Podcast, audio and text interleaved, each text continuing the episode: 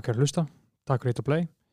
Uh, Bergþór Másson heit ég og þetta er kraftbyrtingar hljómur Guðnánsins Gestur minn í dag er engin annar en Sturla Atlas.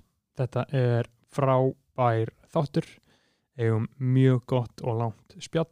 Um, hann, það er stór tilkynning þannig að fólk þarf hlusta þáttinn til þess að heyra þessa reistóru tilkynningu.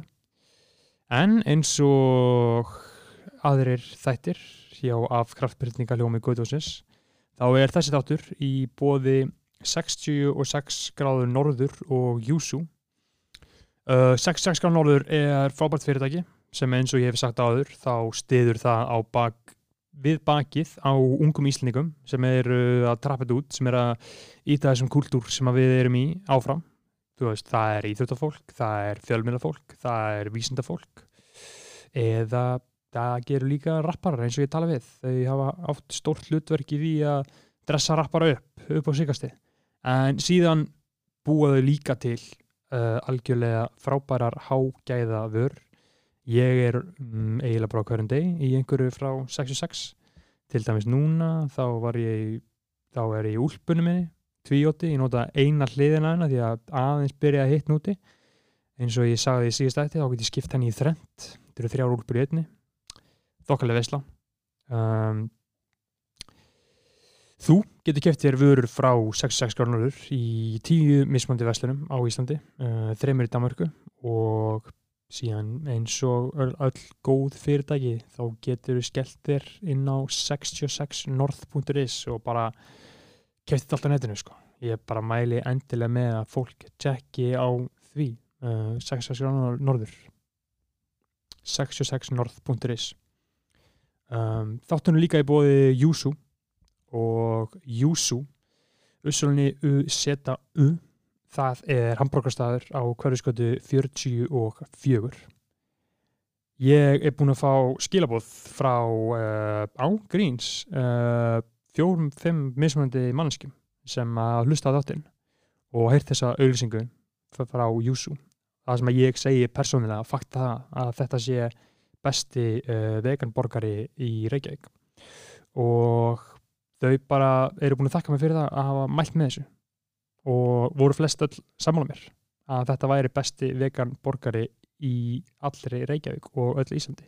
Ég mæli endilega með að allir tjekki á Júsú á hverju skotu 44 lappa inn í þessa vestlu uh, výpur sem er í gangi þar og prófa bara fyrir ykkur sjálf að smakka þennan episka vegan borgara sem að þau bjóð upp á. Og þau fá örgulega hlusta á eitthvað gott rapp í leðinni því það er, eins og ég sagði síst þetta, frábær tónlist í gangi í aðnæðinni Það er eflust einhverju sem að horfa þáttinn og sjá Sturla Atlas. Hmm, hann er ekki rappari. Uh, nei, vissulega þá er hann ekki rappari af henni hefðbundnu tegund.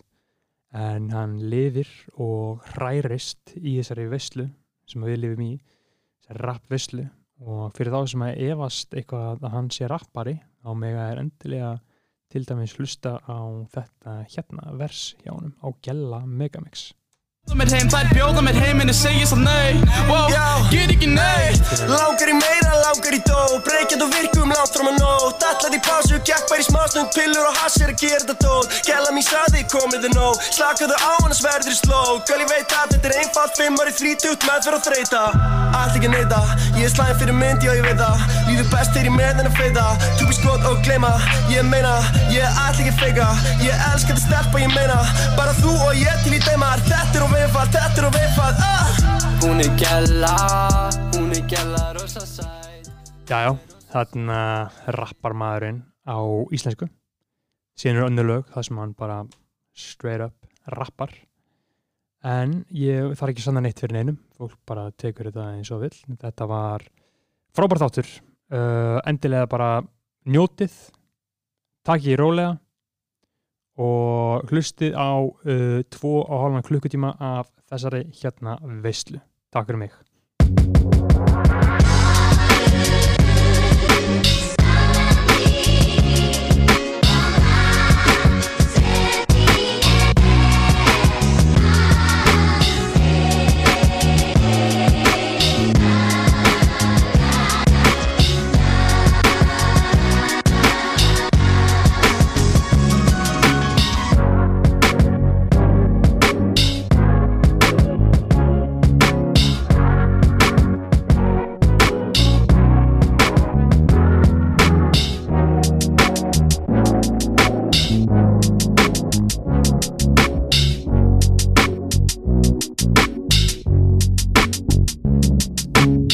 Sturla Atlas, uh, Sigurbjartur Sturla Atlasson, verðu velkominn. Takk hérna fyrir, Bergur.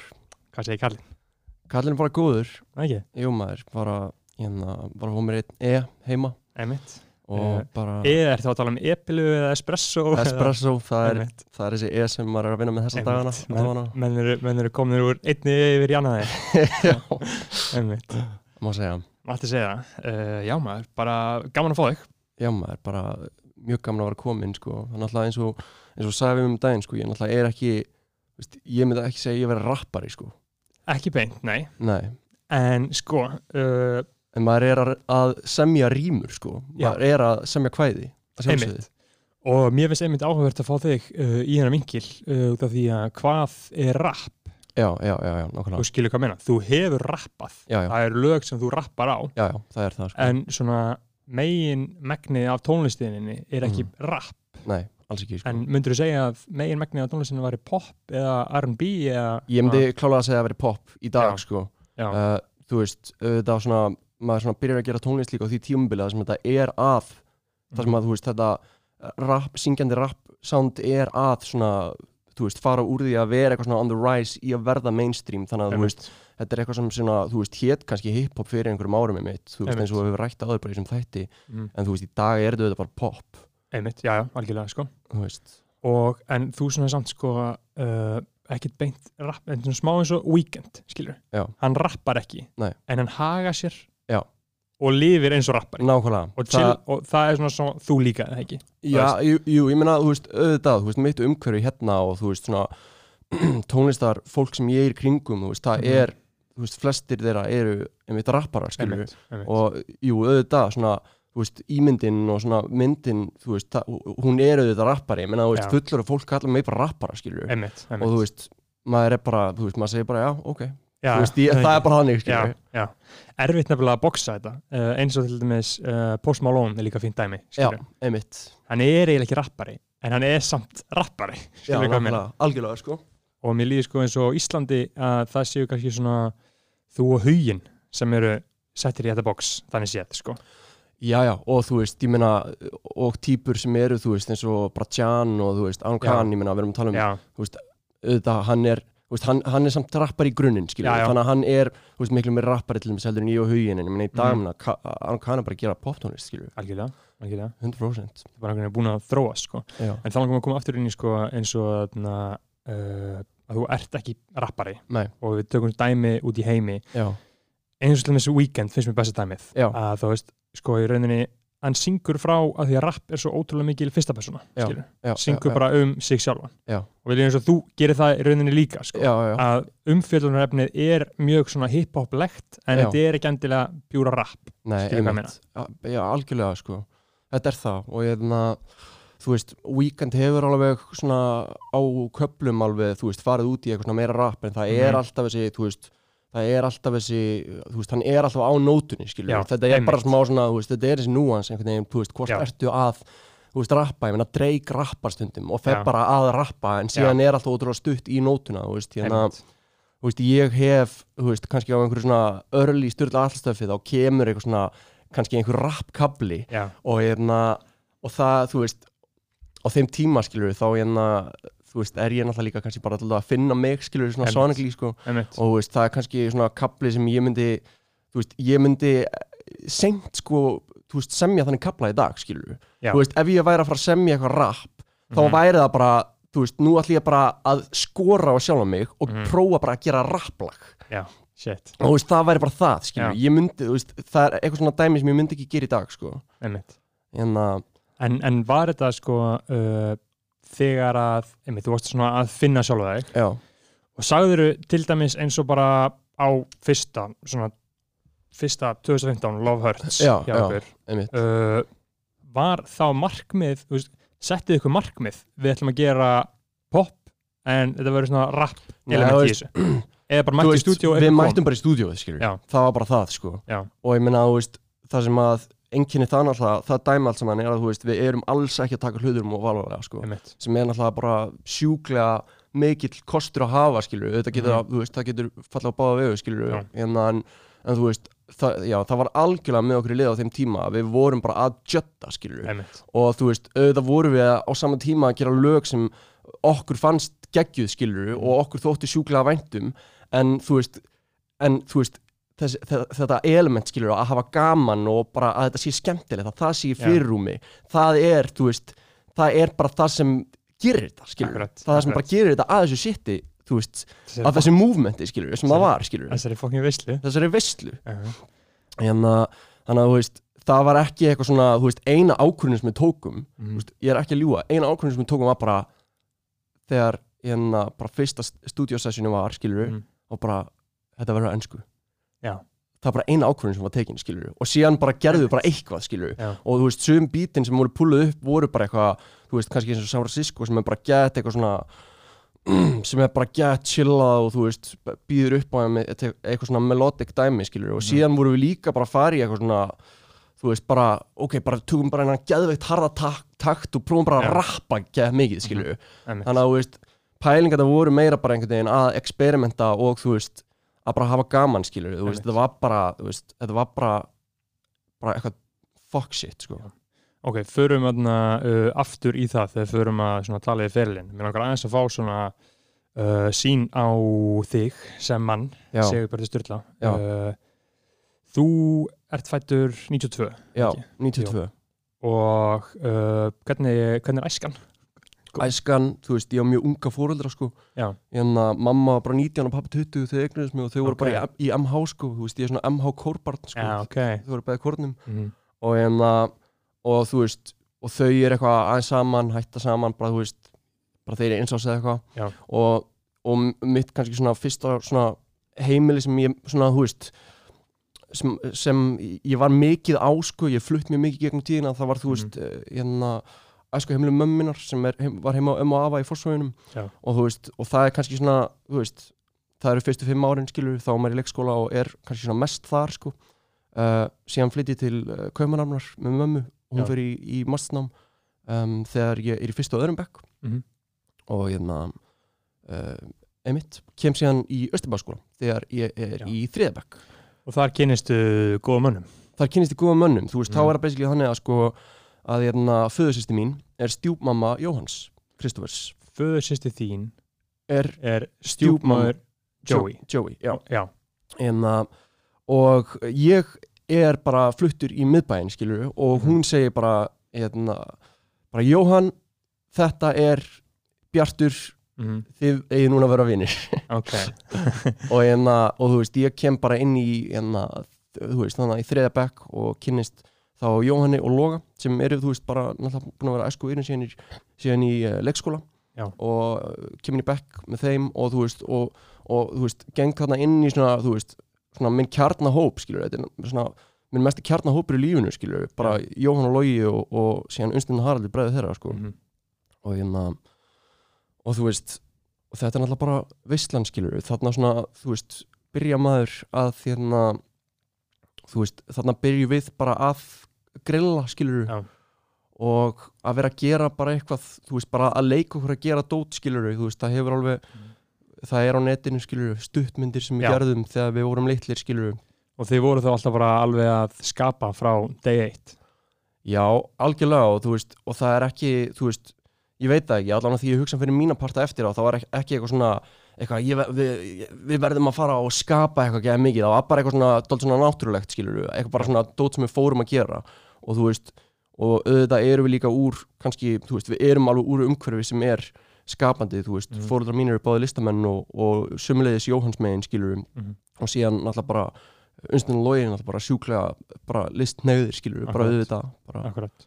Uh, þannig að þú veist, það byrja þar og þú veist, á, náttúrulega á sama tíma bara þannig að í þriða fjórðabæk skilur við, þá bara erum við í rappljónsitt Mm. við erum í, þú veist, rappljónsitt sem heitir uh, þú veist, Rapp 101 Mhm. og áttu fyrst að heita Diablo en, en við máttum það ekki af því að mamma Jóhanns bannaði okkur það Já. af því að þau voru káðlíku kirkjunni sko. Einmitt. hérna Diablo og þú veist, við vorum í Rapp 101 og þú veist, Mhm. þegar við erum að í þriðja eða fjórðabæk þú veist, örgulega bara, örgulega bara þetta er menninganótt áður en að við fyrir í fjórðabæk þá, þú veist, keppum við í rýmnaflæði á Ingolstorgi og þú veist, Bent er að keppa þar Svona ungir. Já, Já. Hvernig, hvernig, hvernig var það hægt? Ég, ég veit það ekki, ég man bara Já. eftir þessu veist, ég man bara að Bent var þarna Mhm. Erpur var held í dómnefndinni og síðan var einhver gaur sem var hann að hann var eitthvað með einhverja rímu sem var hann að eitthvað, hérna, býðum var löng og píkum var þröng svo allir upp með hendunar og upp með löngu töng. Og ég man bara eftir þessa línu. En við mætum hana og við vorum að rappa út um Mela og Móa. Hérna, út um Mela og Móa syngjum við rappandi Lóa hérna, Al, Alveg náttúrurapp já það var náttúrurapp og ég og Jóhann og Lói vorum að rappa mm og síðan var Unnsteinn var svona, þú veist, hérna hann var svona, þú veist, á svona típa sem svona ætti að vera svona á the turn, turntables og væri svona Já. yo, what's up, hvað segið þið mm. og hérna, og síðan var Haraldur eitthvað á kantinum, ég man ekki alveg man ekki alveg hvað hann var að gera hann var, hann var alveg, sko já, já. Og hérna, Bent, var, var hann að keppa? Bent, ég, var hann að dæma? ég held með minnir, þú veist, að hann hefði verið að keppa Já. en þú veist, ég var átt ára eða Einmitt, eitthvað, þú veist, ég man ekki eftir þessu, sko, Nei, almennilega akkurat. Og þetta heldur áfram uh, þetta, og, þetta er á saman tíma náttúrulega, þú veist líka bara og hérna, eh, þú veist, Rottvalur er að gefa út þannig að plötuna sína, skilur einmitt, Þetta er bara eitthvað 2002, 2003 eitthvað. Já, Já. þú veist, ætli þetta sé ekki líka bara svona fyrsta eða þú veist, hérna þessi Rottvalur plata hefur mjög mikil áhrifin alltaf bara á hérna, þú veist, mína kynsluða, skilur eða það var heitsta, bara, eða þú veist, það var bara langstæðsta tónlistin á Íslandi Já, þann, hérna, á þeim tíma og ég man, þú veist, ég fekk þá plötu jólugjöf mm. og þú veist uh, bara hlustaði sjúklega mikið á það. Ég man bara svona, þú veist, það var, það var eitthvað svona rap sem að hérna, var það edgy að maður var bara fuck, bara þú veist, má segja þetta. Já, akkurat. Og var, þú veist Var þetta sem að krakka nýja Östubæðskóla voru að hlusta á það? Róttarar? uh, þú veist, ég var að hlusta á það ég krakkarnir í kringum mig jú, þau, krakkarnir í kringum mig voru að hlusta á þetta sko. Mhm. uh, og síðan kannski, þú veist, auðvitað bara þróast það skilur þegar maður verður hans eldri og þú veist, og þá var það var líka, þú veist, mikið hlusta á rock sko, þú veist, ég hlusta alveg mikið á rock og krakkar í kringum mig í mínum Mhm. bekk, þú veist, hlustuðu mikið bara á, þú veist, Metallica, Okay. ég hlustaði mjög mikið á Metallica á, Mm. veist, kannski eitt ár eða eitthvað og síðan er, þú veist, líka bara böndin svo, veist, bara Nirvana sem er bara sjúklega stór hluti af mínu tónlistarupphildi, sko En þarna, segðu mér hans frá sko, uh, Austó Já. það hefur alltaf verið svona fyrir eitthvað svona mythical skóli fyrir mér Já. ég er alltaf úr Vesturbænum og. Hagaskóli og það er svona tímabili sem að þarna, svona krakkar í Hagaskóla og krakkar í Austurbæðskóla svona kynnast, skilur einhvern veginn gegnum MSN eða eitthvað. Og ég man eftir að Austó var alltaf svo fucking, það var svo gangsta sko. Austó, þú veist, þar voru menn að þar voru menn að graffa mikið að sko, graffa. þú veist, ég man alveg eftir þegar ég var í úlingadeld í Östurbáðskóla þá, þú veist, var einmitt ímyndin sem ég hafði á hagaskóla það var miklu meira svona Beverly Hills vibe, skilur eins og að væri eitthvað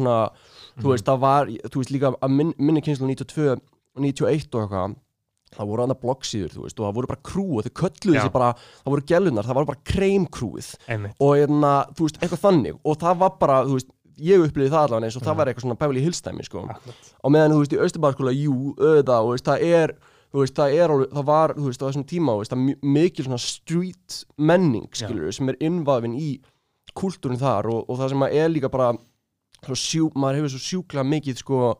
það sem að er líka bara svo sjú, maður hefur svo sjúklega mikið sko forskot með þegar maður er í Östurbæðarskóla og bara svona, eða, þú veist, maður, maður nýtur þeirra forreitinda, að það er fjölmenningalegu skóli, skilur einmitt, þannig að maður er elst upp í umhverfi sem er ekki bara, þú veist, bara hvíti krakkar og bara, þú veist, þú veist eins og bara, ég veit ekki, alast upp í Garðabæ, skilju, ég har marga vinir sem ólst upp í Garðabæ og þú veist, það er bara menningamunur, skilju, á því að hafa, hérna, að vera umkringdur, skilju, ekki bara hvítum krökkum, skilju. Einmitt. Uh, en síðan, jú, vissulega, eins og, eins og bendir á, sko, það er, þú veist, fólk er að graffa, það er náttúrulega Östurbáskóli var uh, um langan, sko, á langum tíma, hérna, svona free zone fyrir graffara og það var hann að stóra portið sem var bara allt því. graffa og bara, þú veist, það er náttúrulega bara svona sjúklega, þú veist, bara epíst að vera kringum það, skilur það umhverfu og síðan, þú veist, á, ég man ekki, þú veist, nákvæmlega hvað ár, kannski þegar ég er í sjöndabæk eða eitthvað þannig að þá, þú veist, er það bannað og það, þá Mm. voru vekkinni málaði gráir og hérna, og þú veist, í árgöngunum kannski svona 88, þá, þú veist,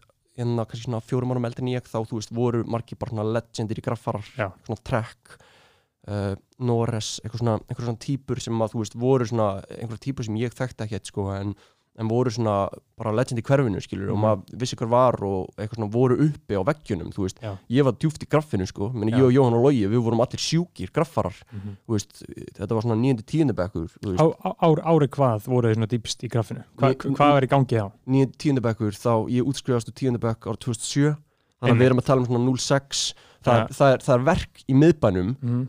bara veggur, bara pís sem stendur ennþá eftir mig og loga sem að við fengum að gera í, veist, leifi í, sko, í garðinum á gamla húsinu mínu við, við hliðin á þjóðlúsinu uh, hérna, En sko, við erum þá að tala um graffið á 0607, erum við þá að tala um, veist, RTS og CMF veist, já, já, CMF en ég held að það, samt CMF hafi verið svona veist, hvort það hafi ekki heitið öðru nafni á þeim tímbúti, hvort það hafi kannski verið að byrja að kalla sig CMF Já. um það leiti en síðan líka bara, veist, eina kekar hann Já. var uppi á þessum tíma, ég veit Já. ekki hvort þú veit hvað það er Já, veist, hann er Dani, skilur Já. hann var bara stærsti graffarinn í Evrópu, skilur Já. og hann var bara allstaðar uppi, skilur bara í hérna, Berlín, Köpen, skilur Mhm. uh, og síðan var hann var sem sé held ég skiptinemi í grafskri hönnun á Íslandi okay. og hann rústaði shitinu skilur og það var epic skilur og, og þú veist, þetta er líka kannski þetta er svona einhver nesti sem maður finnur skilur í graffinu á þessum tíma Mhm. sem að þú veist, sem maður relatar ennþá ótrúlega mikið við að því leiti að þetta er svona þú veist, þetta er sjúklega edgy og þetta Mhm. er, þú veist þetta er bannað og þú veist, þetta er hættulegt skilur og þetta er sjúklega frjótt þú veist, og þetta líka snýst um að vera uppi skilur Já. Þetta er svo hrein og tær list að það er enginn að fara að vera ríkur þessu sko þetta er svo hrein og talist, þetta er svo Já. og hérna, Þetta er svo hrein tær list og svo mikil æsku útrás sko. já, alveg sjúklega mikil og þú veist, þetta fjaraði út, meina, ég, þú veist, það er ennþá alveg, þú veist, meina, ég þekki ennþá lið sem er í graffinu, skilur uh, og bara, bara gerði þetta fyrir alvöru og bara fór Mhm. til Evrópu og bara bjóði Berlín og var að gera þetta, sko Mhm. uh, maður fór reyndar ekki þangað sjálfur en þú veist, bara, en þú veist, þetta er svona tímabil sem ég er mjög þakkláttur fyrir að hafa gengið gegnum, sko.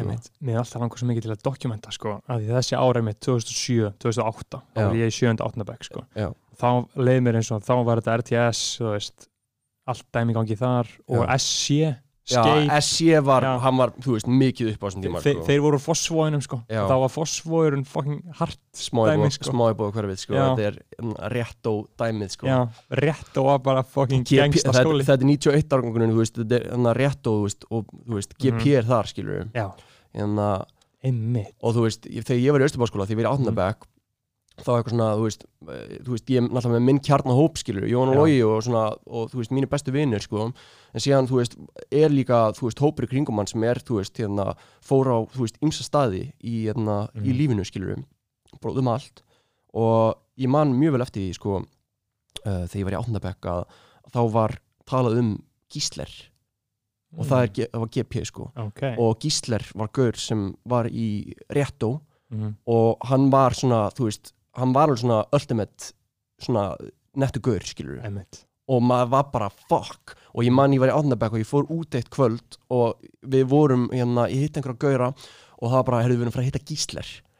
Og við fórum á leikskólan á, hérna, á Barónstíg Mhm. og þá var gísler þar post-it og hérna, bara, þú veist G- ek- ekkert- eh, GP skilur, ekkert meira um það að segja en skilur, það var bara mjög eftirminnilegt að hitta Einmitt. það kvöld skilur bara þetta gísleir, hann var bara austurbænum chillin. Hann var austurbænum chillurinn Já. en samt úr fósmæðinum skilur rétt og gang já, fucking gísleir maður. Já.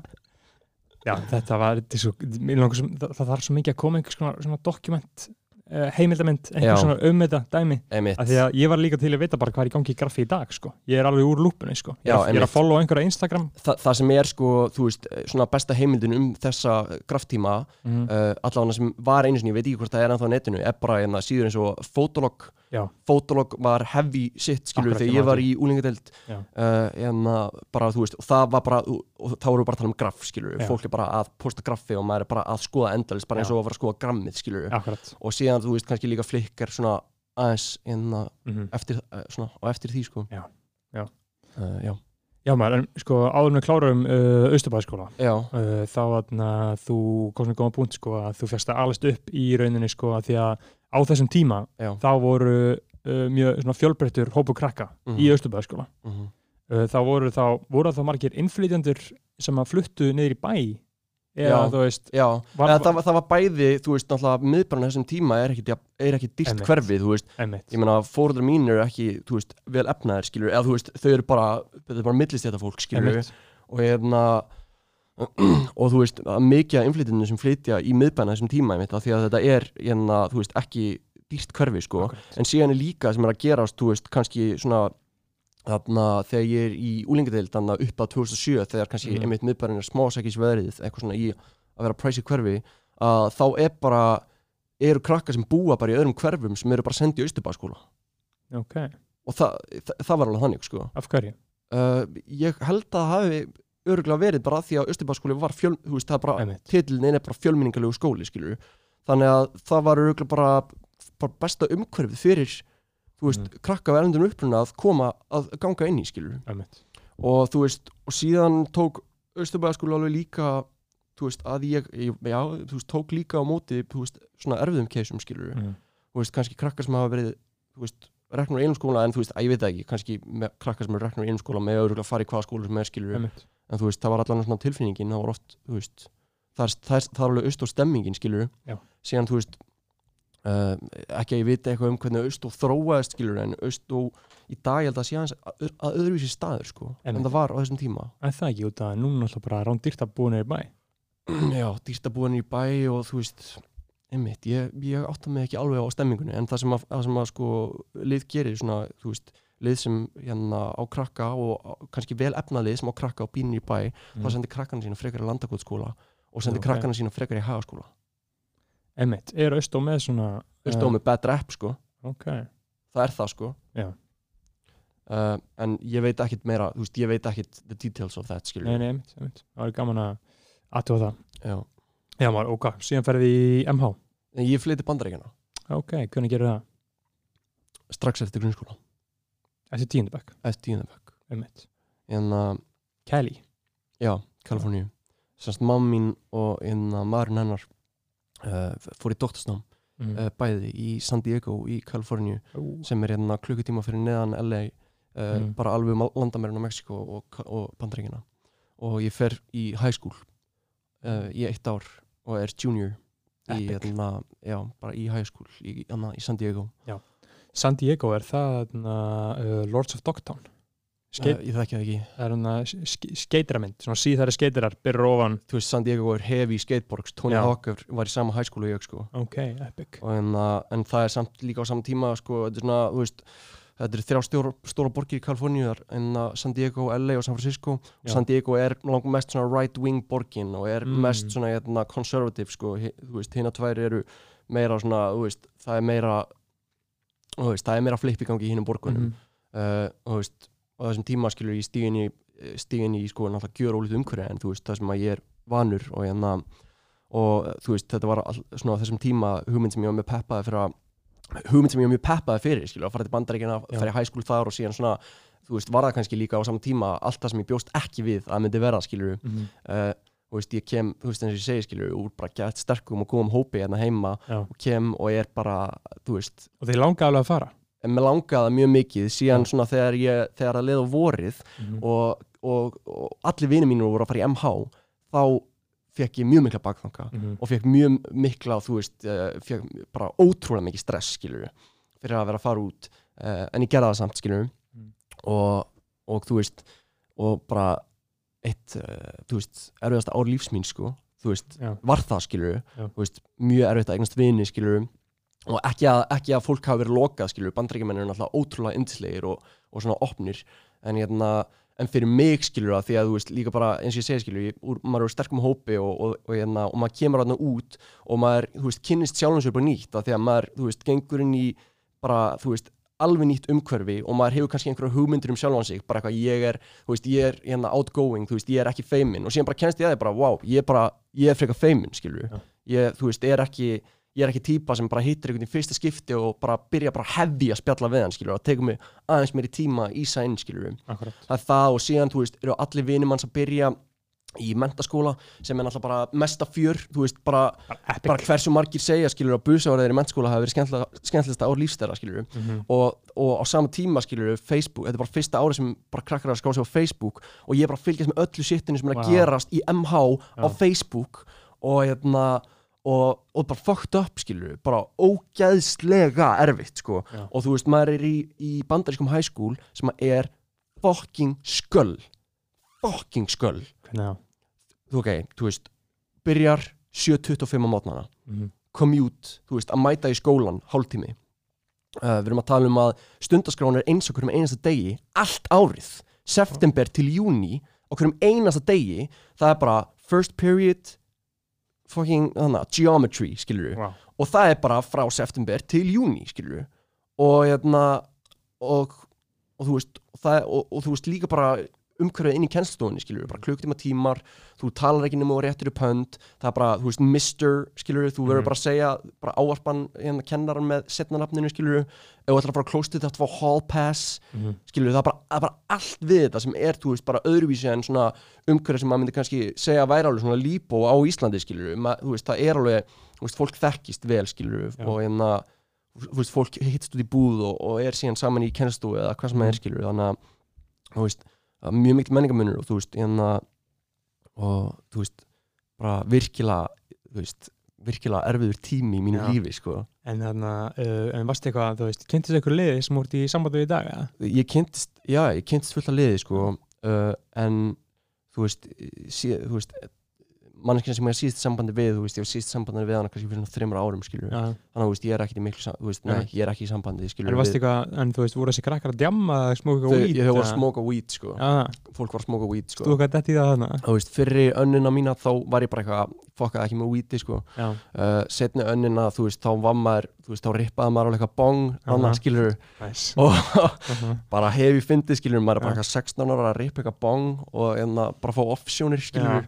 Uh, Já. en þú veist bara náttúrulega þú veist gaur, þetta er náttúrulega bara reynsla sem maður sko, þú veist, þú veist ég myndi aldrei vilja að það öðru, hefði, hefði verið öðruvísi skilur Veit það ekki. þú veist, þetta er náttúrulega, þetta er, þetta er veistlan Já. en þú veist, já, allavega svona það umhverfið sem ég gekk inn í, þá, þú veist, fólk var ekki að drekka, fólk var að ripa bongið sko, Já. með klökum, þú veist, klakabong Gnarly, dude. gnarly, þú veist, að surfa Já. læra, læra að surfa mikil veistla sko Gekja maður, gekja.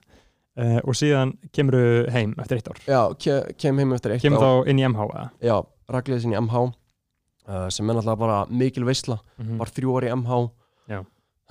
og þú veist og er þar líka bara svona geða mikið að kynnast einhvern veginn sjálfur mér skilur það sem Mm. svona ég vil gera skilur og er svona á þessum tíma skilur svona ég, ég kannski fatta það daldið því ég var í bandringunum að þú veist að mér langaði að stefna á einhver svona leit sem væri svona performatív sko Já. og þú veist það er eitthvað svona element sem hefur þú veist bara verið í mér frá ég á lítill þú veist ég er hérna þú veist uh, bara dýrka sjó bara dýrka þú veist að bara vera með sjó Mm. uh, og, uh, og svona fann það aldrei í bandaríkinum skilur og, og þegar ég kom heima það var svona eitthvað sem ég vildi stefna á og, svona, og þegar ég er í MH þá er ég svona daldið að, hérna, að svona snerta aðeins á því skilur eitthvað, þú veist, var í hérna, Morfís og var í, þú veist, leikfélaginu og, og svona einhver svona einu og öðru skilur Já. sem er daldið þar, náttúrulega, þú veist, sem barn þá er ég líka að leika mikið, sko, þú veist, var að leika í einhverjum sýningum í þjóðleikusinu og talseti ótrúlega mikið, þú veist, þannig að Já. þetta er svona alltaf svona á kantinum, skilur Hey, Pappiðin er leikari og hva, hvað gerir mamma einn? mamma mín er tónlistamæður Tónlismæður. Já.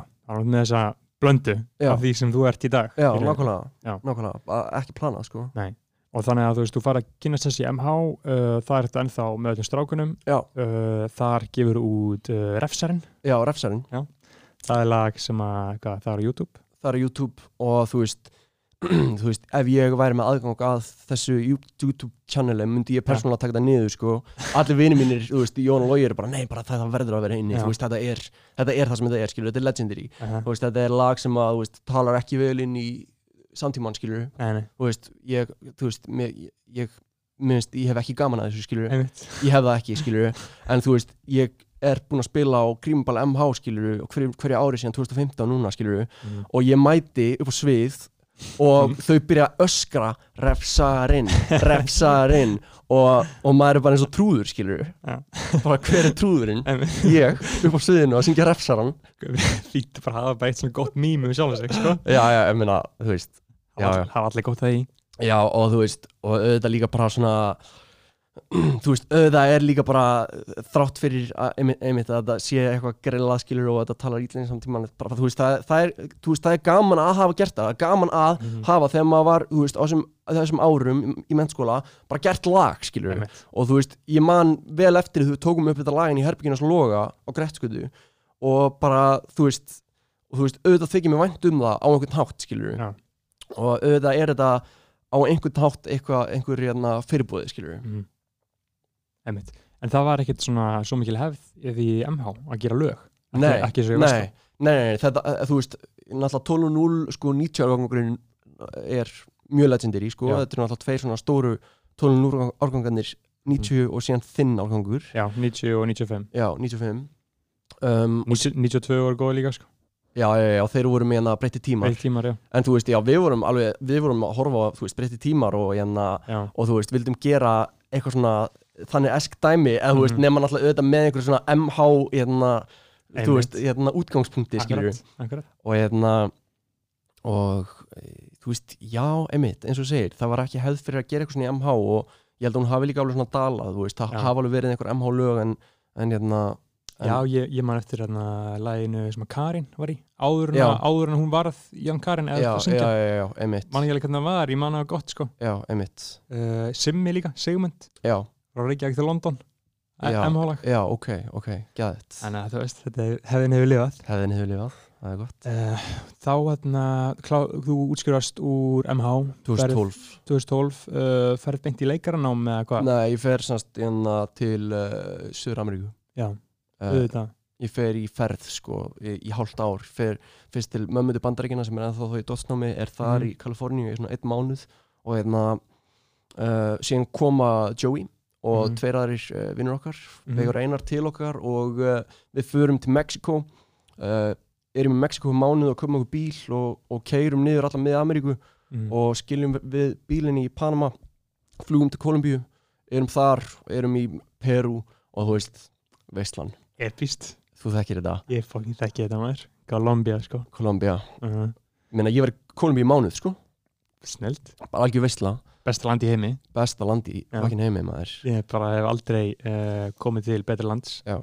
þetta er svona, land, þetta er orðið svona landi mitt skil, gaman eða eitthvað land skil. Nákvæmlega, en einhver spyrir mig eitthvað, þá bara að fara til Kolumbíu bró já, einmitt. Og þú kemur heimanna já, frá heimsessunni, já maður, þú veist mikill, sko, þú veist, mikill áhrif á tími, sko að fara í heimsærisu og þessum aldri mótækilegur og maður er hérna, þú veist og maður er sumulegið, sko að, hérna, Jóhann orðaði einhvern tímann þannig að, þú veist, að, að hérna, hann hefur verið að upplifa, sko að hann hefur verið að, hérna fatta, sko, eða byrja að hrífast af deyfandi lífstíl. Mm. og ég tengi mjög mikið við þetta. Hvernig og þú veist, maður er uh, þú veist maður er bara, bara visionið er að skapast skilur Já. og artistríð er dálítið svona að verða til Mm og maður er að finna sig meira og meira skilur í bara einhvern veginn þú veist, bara, þú veist, í hvað áttul ég fara skilur, hvað, hva, þú veist, hvað vil ég segja hvað, þú veist, hvað list finnst mér nett skilur hvað, Mhm. hvernig svona frásagnir, þú veist, tala til mín Já. og síðan líka þetta bara, þú veist þú veist, já, já þú, ægur, það er bara allt einhvern veginn, Já. þú veist, þetta er bara og þarna varst, varstu alveg ákveðin, ákveðin í því að þú ætlaðir að verða listamæður Já, já, þú veist, ég ætlaði bara, þú veist, ég vildi bara vera leikari, sko. Já. Og hérna, er bara, bara laser focused að ég ætla bara að fara í leiklistskóla og, og þegar ég kemur heim þá, hérna, fer ég í, þú veist, kennst inn í hérna í listáskólan, einmitt í leikaranám. Og hérna, og uh, byrjaði þar 2013 mm -hmm. og síðan erum við að tala um að, uh, að uh, ég uh, flytt inn á lögafið 33 sem Einmitt. er svona, þú veist, mikill áhrif á staður, sko. Já, með það, með það að skrifa hjá mér að ræða skona uh, veistlan sem hann gangi þar Já.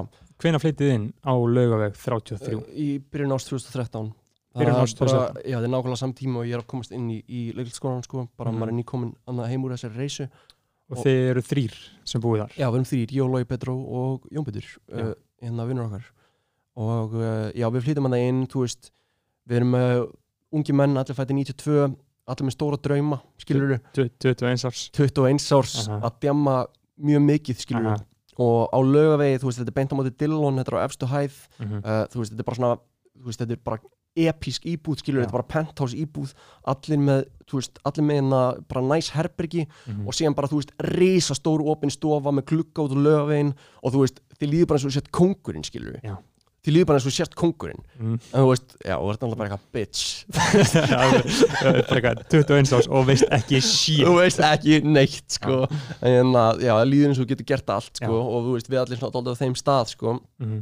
og hérna úrverður mikil veistla sko Já. og þú veist, eins og ég segi skilur já, mikið djam og hérna og maður er, er að halda áfram að finna sig og hérna og, og þú veist, gengur í gegnum þú veist, listnám Mhm. sem að er þú veist, leikaranámir að vísu svona það er kannski óhefbundið frá öðrum listnámum það er svona, veist, það er, að- það er, það er smá eins og svona kannski blanda af listnámi og bara eitthvað svona bara svona íþrótt skilur af því að Já. þú ert náttúrulega líka að virkja líka með þeim ótrúlega mikið, Aha. þú veist, að vera svona, svona performatífur og svona virkja röddina eina, þú veist, að, að byggja hann upp sko. Mhm. um, já, Já, og þið eru á lögvið 33 á lögvegi Eh. 33, þú veist, að halda þú veist, partíða sem að er þú veist, það, það er, þú veist, áramót og það er, þú veist, röð fyrir utan húsið okkar, Mhm. bara, þú veist, kannski tíu myndar röð Mhm. og þetta er bara eins og þetta sé fyrir utan kaffibarinn á einhverjum svona peak hour og þú veist, við erum bara í hurðinni, bara skiptast á vöktum bara með einhver svona löggukilfu bara, nei, bara sorry, þú ert ekki að koma hérna inn, skilur og hérna veist, hvað, þú veist, hvað getur maður sagt, Einmitt. það er mörg rosalega partí sem var að halda hérna, þú veist, Skrillex DJ-in sem Einmitt. þú veist, heima okkur þú veist, við erum að tala um bara mikið að liði sem kom þannig í gegn, skilur Kom, kom Young Lean ekki líka? Jú, eh, þú veist, þetta var sama partíð sko. þetta var hérna Sonar 2015 Já. þá þú veist, er Skrillex að spila Young Lean, eitthvað, þú veist, Ryan Hemsworth eða eitthvað, og þeir koma allir í hérna, þú veist, partí á lögavið 33, Já. Young Sherm er að DJ á lögavið 33 epic og veist, og Skrillex er að veist, við erum að tala um á einum tímpunkti er ég inn í herbygginu hjá Jóni Petri og Skrillex er að segja einhverja sögu og það eru allir að koma inn í herbyggja því að Skrillex er að segja einhverja sögu og hann er svo sjúklega æstur og Jón Petur, vinnum minn, þú veist, sorry Jón Petur, en að ég að segja þetta skilur en hann er bara að verða ekki að tella þér og er bara að verður að fá alla út og síðan allir út úr herbygginu og hann dettur á hausin og fara að gata á hausin og þarf að fara bara ég man einmitt eftir því þarna, uh, ég fekk að koma hann á nokksunum Já. og þarna var ég í þessu 12.0 daginn Vestló. Og ég man uh, þegar ég fekk þarna, þegar við fengum sko samþykki frá ykkur. Já, þegar þið segðu bara hei það sem þið eru að gera er feitt og bauðu okkur bara í fyrirparti já, það var bara fucking veistlan sko. já, það? Já, ég, ég man mjög vel eftir sko. ég man bara eitthvað uh, MC Gauti Já, attaði mig á Twitter ok. og sagði bara eitthvað, jó, komið á lögum við 33 Í alveg og við bara eitthvað uh, ok og, kom og síðan þarna, uh, bauð þarna JP okkur í ammæli sitt einmitt og það er einmitt svona uh, kynnti sér ykkur öllum sko. Já, einmitt Það er náttúrulega Já. líka upphafið á öllu dæminu sko Já.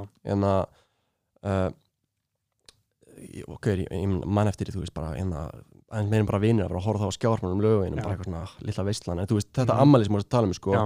Ammali á þetta er 2015 sko. Já. þetta er náttúrulega bara nokkrum mánuðum eftir að þetta partí er og, og maður er hérna og þú veist, ég sá hann að Young Lean í fyrst skiptið skilur Mhm. sem, þú veist, einhvern svona tónlistamæður sem að ég hafi verið að hlusta á og, og, síðan sér maður hann og hann er bara einhver gubbi frá Svíþjóð, frá Stokkólmi og maður er bara svona, þú veist, maður bara sér bara hvað þeir ógæðislega epíst, skilur bara Jonathan Linduer frá Stockholm bara úr einhverju bara, þú veist, well-off fjölskyldu, skilur pappa sé bara rithöndur Já, pappa sér eitthvað skilur og, enna, og, og hann er bara really doing it skilur Já. og hann er bara að gera allt þetta sitt sem að skilur sem þú veist, bara, ma- ma- mann bara veit bara, þetta, er bara, þetta, er bara, þetta er bara the shit skilur þetta er bara feitt. Ég hef einmitt sko að mér finnst þessum á svona órannsakað eða ó svona pælt í hversu mikil áhrif Young Lean hefur haft á íslensku rapsinu eins og bara þú Já. sást hann þarna og já, þið já, sáu bara. hann, hann, sko að því að við erum að tala um að, þú veist, eins og ég segi hann er hann uh, að spila hann á Sonar nokkru mánuðum áður en að við gerum fyrstu lögin okkar, sko og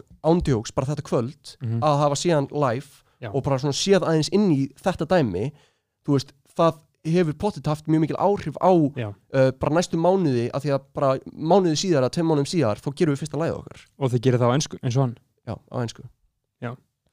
en að og uh, þú veist og, og, og fyrst náttúrulega, þú veist, þetta er saga sem hefur verið sögða áður skilur í eitthvað en fyrst þá, þú veist, þetta er þannig að ég er í skólanum í hérna ég er bara í tíma að fæ SMS og loga bara eitthvað, en mér geggjaði hugmynd. Og ég ringi hann og hann eitthvað, já, erum við hérna, Jónbjörn ámæli næstu hugu, við skulum gera ammæliskjöf fyrir hann, það sem við gerum hérna við gerum plötu, við gerum nokkuð lög. Og síðan getur þetta bara verið jólagjöfin það, bara, þurfum við ekki að kaupa jólagjöfi fyrir fólk við getum við bara gefið fólki bara hérna CD, bara hardcopy á þessari plötu. Og þetta var svo fyndin pæling, skilur Mhm. hérna, bara geggju pæling alltaf, þú veist. Mm það, það sem maður vill alltaf gefa jólagjöf bara eitthvað sem maður bjóst til, skilur akkurat. Þannig að við eitthvað, ok, f- fokkum í þessu, við förum, gerum eitthvað lag gerum lag sem að þú veist var á fyrstu plötunni skilur það var bara fyrsta lagi sem við gerðum síðan heyri Jóhann á þessu daginn eftir í skólanum hann eitthvað, ég verð að koma líka og við gerum annan lag skilur og endum á að gera hérna 5-6 laga plötu sem við skýrðum hérna uh, Dreams, Dreams from the Bay Já. sem að þá Drake búin að tilkynna að sko, hérna, næsta platan hans myndi heita Views from the Six Einmitt. þannig að við skýrum með Dreams from the Bay og það er þá uh, það sem að í San Diego sem þú varst hvað, hvað er Bay? Uh, Reykjavík, Já, The Bay, sko. Bay, Vík, Bay Já, nei, eh, sko, þetta er alltaf fló, þú veist, við erum uh, þetta er flói, faxaflói, Bay jú, jú, jú, þetta er alveg. Bay, sko þetta er Bay, já, þannig að þetta er, þú veist, Dreams from the Bay er akkurat, Reykjavík, sko akkurat. og hérna, já, við gerum þessi lög og sko, þú veist, við spil og á ammælistæðin hans, þegar Mhm. partíð hans er að fara að vera um kvöldið þá Mhm. hérna spilum við plötuna fyrir hann heima og, uh, og síðan um kvöldið skilur við þá einhvern veginn er það komið partí og við erum eitthvað, já við gerum þetta, veist, þetta er gett við- þetta er ammælskjóðan okkar til hans Mhm. og þú veist, og, og ég man bara eftir því skilur og fólk var að hlusta á þetta og fólk var svona og það var partí í gangi og, og það var allir að meta þetta og það var allir eitthvað svona, já, eitthvað, veist, það er eitthvað í Já. þessu, þetta er eitthvað fyndið skilur Mhm. og, hérna, og síðan svona dagana sem fylgdi þá þú veist, var eitthvað svona, ég man bara, það var eitthvað svona orka í manni, skilur, það var eitthvað svona, ok, vá, þetta var fyndið og ég var svona stundum að hlusta á einhverja af þessum lögum, skilur, bara eitthvað, ah, þetta er, þú veist, það er eitthvað gaman í þessu, skilur, ég var alveg til að gera meira svona og ekki með eitthvað svona, ekki endilega með eitthvað svona væntingar um eitthvað svona, ég ætla, að- núna ætla ég að fara út í að gera þetta, heldur bara, þú veist, ég var bara til að prófa að gera meira svona og sjá hvað, Mhm. bara, þú veist, sjá hvað það verður, skilur, sjá hvað það er.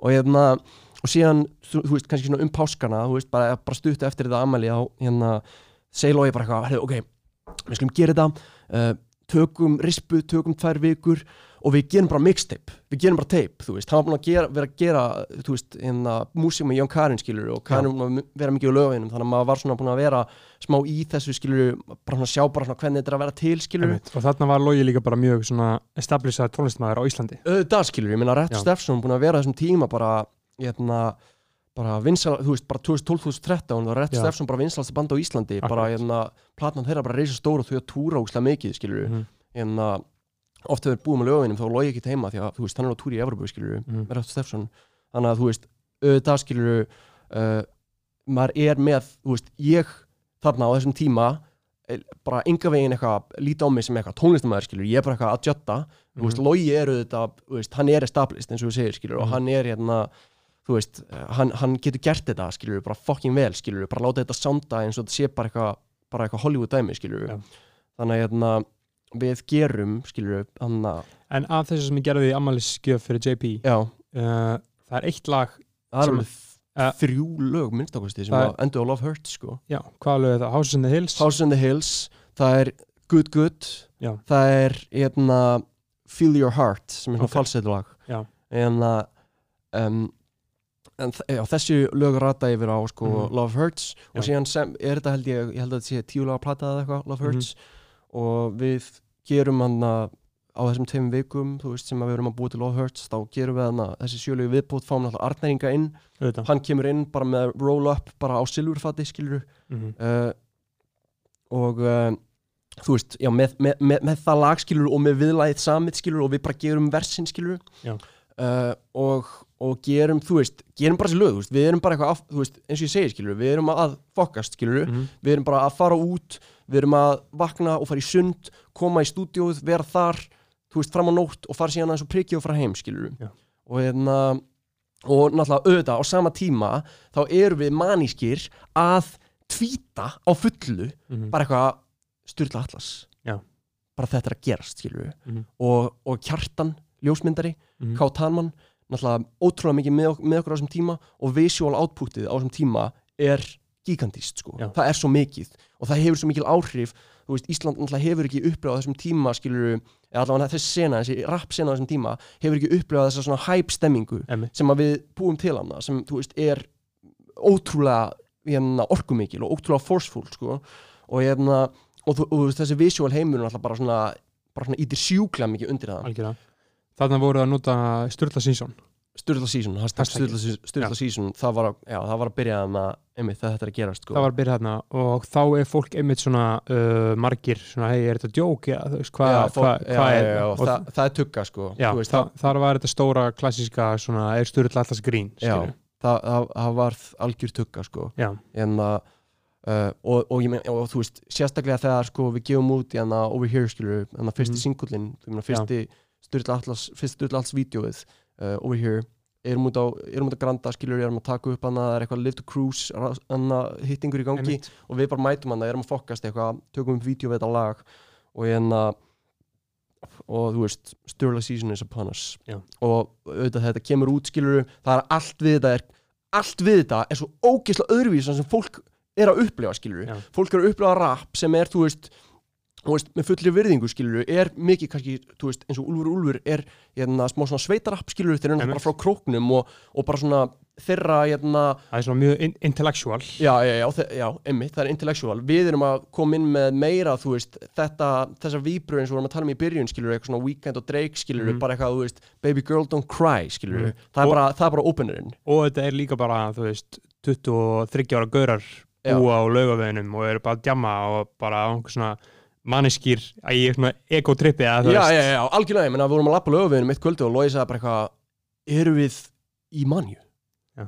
Og ég var eitthvað, pff, þú veist, nei, nei En Mhm. þú veist, auðvitað, á vissan átt skilur voru alveg í einhverju Mhm, hasmanju skilur einmitt. sjálfsögðu en að og over here skilur kemur út og við erum, þú veist, auðvitað erum við líka vel tengt fólk skilur, við erum bara búum til bara eitthvað moment skilur, bara, bara stór grein í fréttablaðinu skilur, stór grein á vísi og, og þetta bara peikast upp allstaðar og bara á einni nóttu Mhm. og verður þetta mjög stórt dæmi skilur, ég meina ég er bara í skólanum og kennar minn á, í, í kursinu sem ég var þá sem er bara, sko, þú veist, í kringum 50 Mhm. hann bara byrju styrla atlas þú veist, bara sama dag og over here minn bara Já. kemur út þannig að þetta er mjög mikil sprengja Einmitt. strax frá fyrsta degi, sko Þetta er sko líka uh, tölvört öðruvis umhverfi en í, dag, þetta er fyrir fimm árum þetta Ok, er það tvö- hefur- 2015 það Íslands drap, það hefur bara gerst Já. síðan þetta, skilur einmitt, það, eh, þú veist, það, það, þetta er bara, það er allt búið að gerast síðan, algjörlega. Allt búið að gera saman Já. og þarna var ekki eins og Instagram málið. Nei, nei, minna, veist, við vorum meira bara eitthvað Twitter, skilur Já. og þú veist, ég meina, fyrstu enna, þegar við droppuðum Love Hurts mm við droppuðum því eitthvað á Spotify einmitt, við droppuðum því á Soundcloud þú veist, það var bara aðal streymið okkar í byrjun var bara Soundcloud og, Mhm. og fer núna að stilla alltaf Soundcloud neða það er enda búið að taka út eftir við sæniðum hjá Sony mm en, að, en þú veist, bara, við, vorum alveg bara með eitthvað svona bara fína Soundcloud tölur, skilur Já. úslega fyndið -hmm. og þarna þið gefið út over here myndbandið Já. uh, legendary myndband út á Granda MC Yellow Já, já, og. MC Gauti einmitt, MC Guði góðir hana Já. uh, síðan kemur mixtapið, Love Hurts já, og San Francisco vídeoð kemur held ég bara sama dag eða eitthvað, eða daginn áður eða eitthvað Já, og þetta er svona uh, nýtt sem hefur ekki sést áður það er þessi visual heimur Já. sem að Kjartan Reynsson Já. er uh, að sjá um Já. fyrir ykkur annað algjörlega, og þeir eru alltaf með myndir út um allt eins og þau segja og myndböndin og þarna þetta kemur inn, narri er komin inn í þetta með, inn í þetta já, með ykkur. Narri er alltaf komið djúft inn í þetta skilur Já. við alveg þannig frá að við erum að semja lögin, Já. hann kemur með Roll Up og, og Pills sem er á fyrsta, hérna, sem er Já. á Love Hurts sko þannig að við erum að tala um að þarna er Sturla Atlas. Þið hugsu um Sturla Atlas sem í rauninu eitthvað konsept sem að er Já. þú uh, Jóhann og Logi. Já, þú veist, ég, þarna veist, ert þú ekki beint Sturla Atlas. Nei þú veist, og það, uh, það var þú- líka þú- alveg ert- tugga á sama tíma skilur Já. ég er, þú veist, þetta er auðvitað nafni mitt skilur Já, og þú ert frontmaðurinn. Og ég er frontmaðurinn skilur Mhm. uh, en við, en þú veist, við erum kollektív skilur og Já. við erum, þetta er þetta er hópverkefni. Veist, þetta er ekki ég að hérna, segja, ok, það var alltaf að reddi hérna og hérna og hérna, skilur, þetta er bara við erum allir, við erum allir laser focused á þetta verkefni, skilur Mhm. algjörlega. Og þið gefið út mixtapið uh, Arnar er komin inn. Uh, Mhm. Egil Ástrásson Egil Ástrás, við hérna, höfum samband við hann, þú veist, um svipaleiti og hérna, við ákveðum að við ætluðum að gera þetta, skilur, þannig að við ákveðum bara ákveð, við ætlum að fara í stúdíu að gera þetta. Þá hérna, hafði hann getið þessu gott orð í miðasölu fyrir Retro Steffsson í MR og, hérna, og ég sning upp á því að við fáum að við hittum hennan gaur, segjum lofa við, við að hitta hann hérna, og láta hann vera umbósmenn fyrir þetta dæmi. Hann er alltaf fimm árum yngið þið. Já, fimm árum yngri en við. Og, en það var líka, þú veist, auðvitað er það líka sko, þú veist, er það hluti af dæminu, skilur að hérna, við sjáum að þetta er þú veist, þetta er konsept sem mun tala til fólks á þessum aldri, skilur Já. þetta er ekki konsept sem að, þú veist, bekkjasískinni mín í listaskólum þessum tíma, þau voru alveg bara eitthvað, Bjartur, hvað er að gera? Eða, veist, hvað er þetta? Já. veist, eitthvað, þau voru ekkert eitthvað, hann er bara að gera tónlist, þau voru bara eitthvað, hann er að, veist, það er eitthvað ruggli í gangi, Já, hann er að fokast Já, er að fokast Já. og við vissum, þú veist, að við fáum einhvern ungan inn eitthvað sem er í mennskóla, hann á eftir að, að skilja þetta, skilur við, og það gerist það Uh, gerist þið gefið út Love Hurts Já. og byrjið að verði bara mjög vinsalir Já. hjá ungu fólki já, uh, að Byrjið- spila mjög mikið, skilur já, þið byrjið að spila mjög mikið í grunnskólum, mennskólum uh, þetta þróast yfir sumarið. Ég, ég man mjög vel eftir þessu, þetta var alltaf djamára mikla 2015 sko, Já, þetta var djamárið þitt sko. Já. Já. þetta var King djamárið sko. Legendary mynd af okkur þar sem ég er með mæk að syngja prikinu og þú og Bibba eru fyrir aftan eitthvað. Veistu hvað mynd ég er að tala um? já, já, ég kom inn í að tala um. Það er heldur góð, það er við erum að grafa hann upp sko. Og að grafa hann upp og setja hana í þáttin þetta setja það lítið þátt, Já, það erum að gera það 100% uh, þarna, og síðan heldur þetta áfram rúlar uh, stöðut gegn okkur. Já, og síðan um haustið mhm, þá hérna, gefið þið út uh, aðra annað mixtape eða þú veist EP, These Days. These days, þú veist, það svo sem alveg mixtape, minna, þú veist, sjö lög eða eitthvað. Ég held að það sé sjö lög og, og þú veist, singullin er Snowin sem kemur út á undan mixtapeinu og hann kemur með vídeo sem að unnstend gerði. Einmitt. og, hérna, og Snowin verður vinsalt sko. Já. og Snowin hittaði mjög vel hjá, hérna, hjá krökkunum. Já. og síðan líka sömulegist, þú veist, það var alveg svona, ég mann, eldra fólk kom upp að mig líka á þessum tíma, eitthvað svona, já, herru, ég heyrði þetta lag hérna Snowin, Mhm. veist, mjög flott og hérna fekk alveg eitthvað svona má eitthvað rást tvö Einmitt. þannig sko Já, og þarna, uh, hvernig er svona þangangangurinn hjá ykkur? Eru það að taka þessu ég al man, al alvarlegra þarna? man- Eða- veist, við erum ekki kannski að taka svo alvarlegra en við erum, þú veist,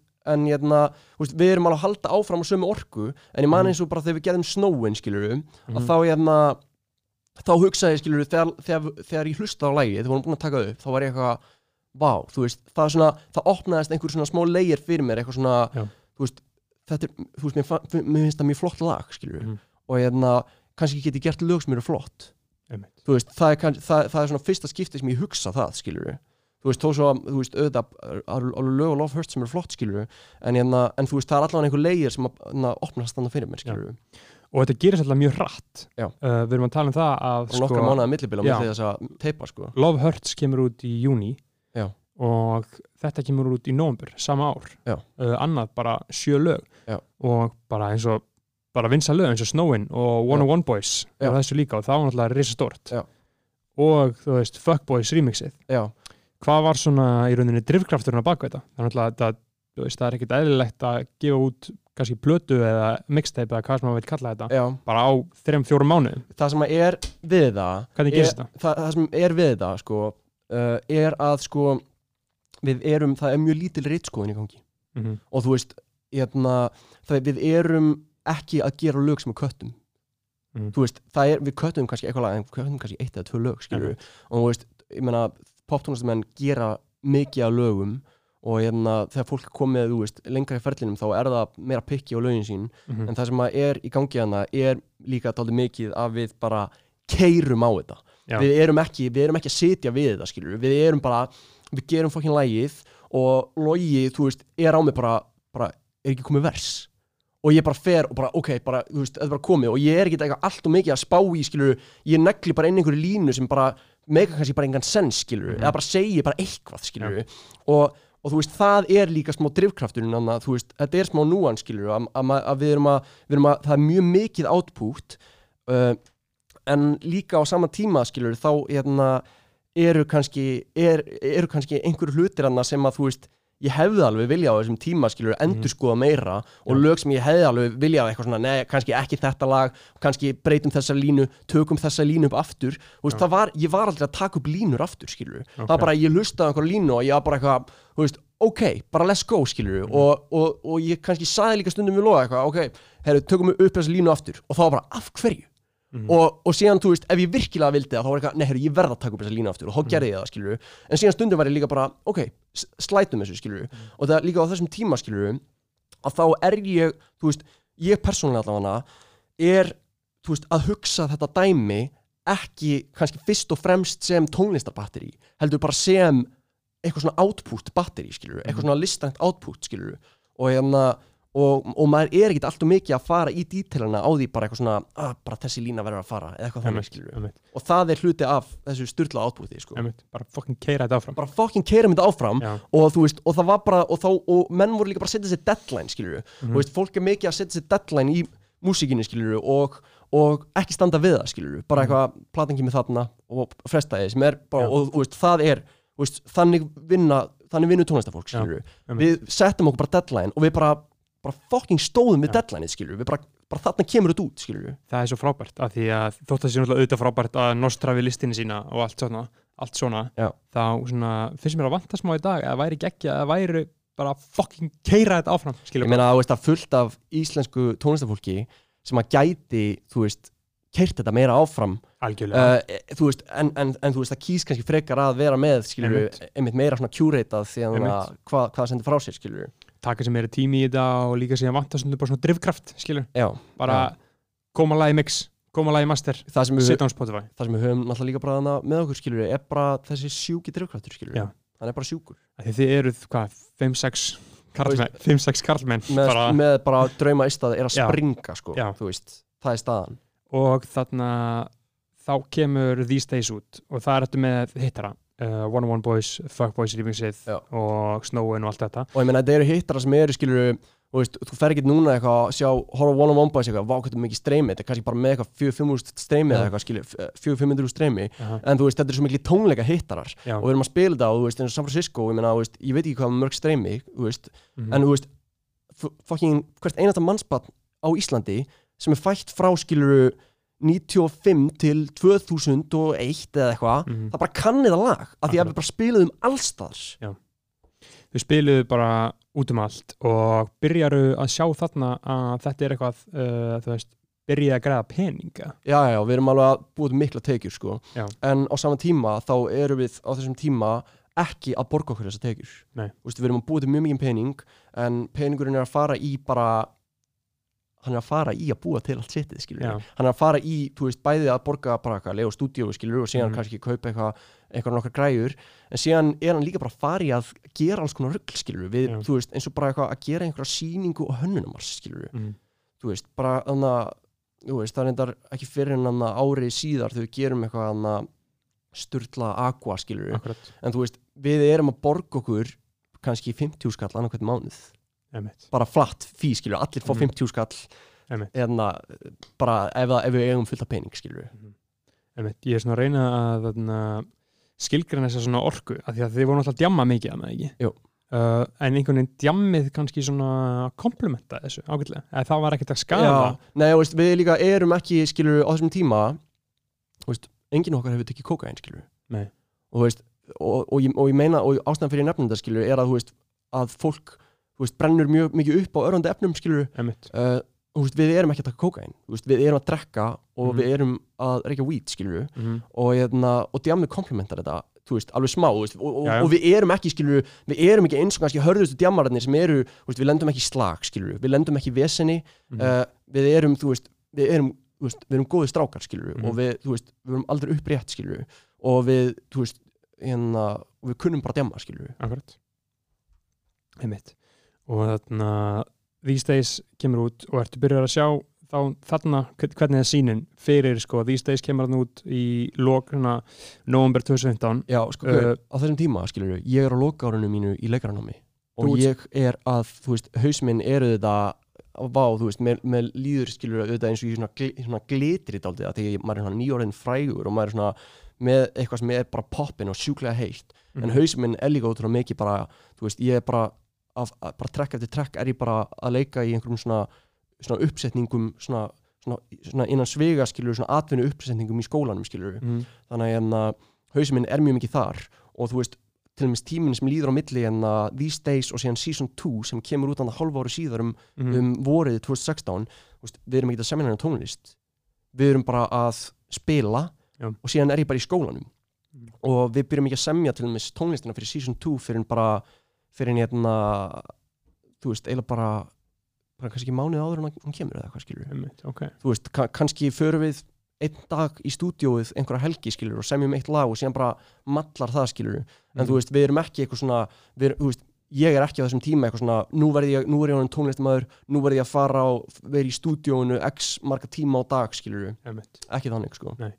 Og þið uh, gefið þetta gef, eftir These Days þá Mhm. haldið áfram hann að vorið síðan kemur Season 2 Já.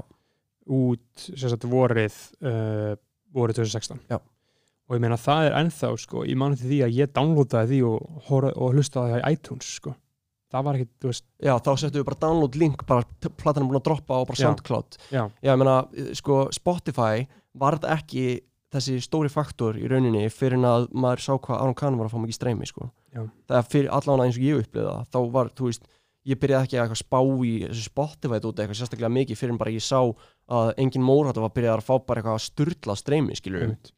og hérna og þú veist, útgáfan er skilur hún er eins og við segir skilur þetta er bara hérna uh, við erum með download link, við erum með Soundcloud þú veist, YouTube er ennþá bara stórt skilur við gerum Mhm. hann að vín og vídeoð skilur og, og, þú veist, og það er bara veist, það er alveg ja, mikilvægt dropp og bara eitthvað að setja á Spotify eða eitthvað Einmitt, einmitt.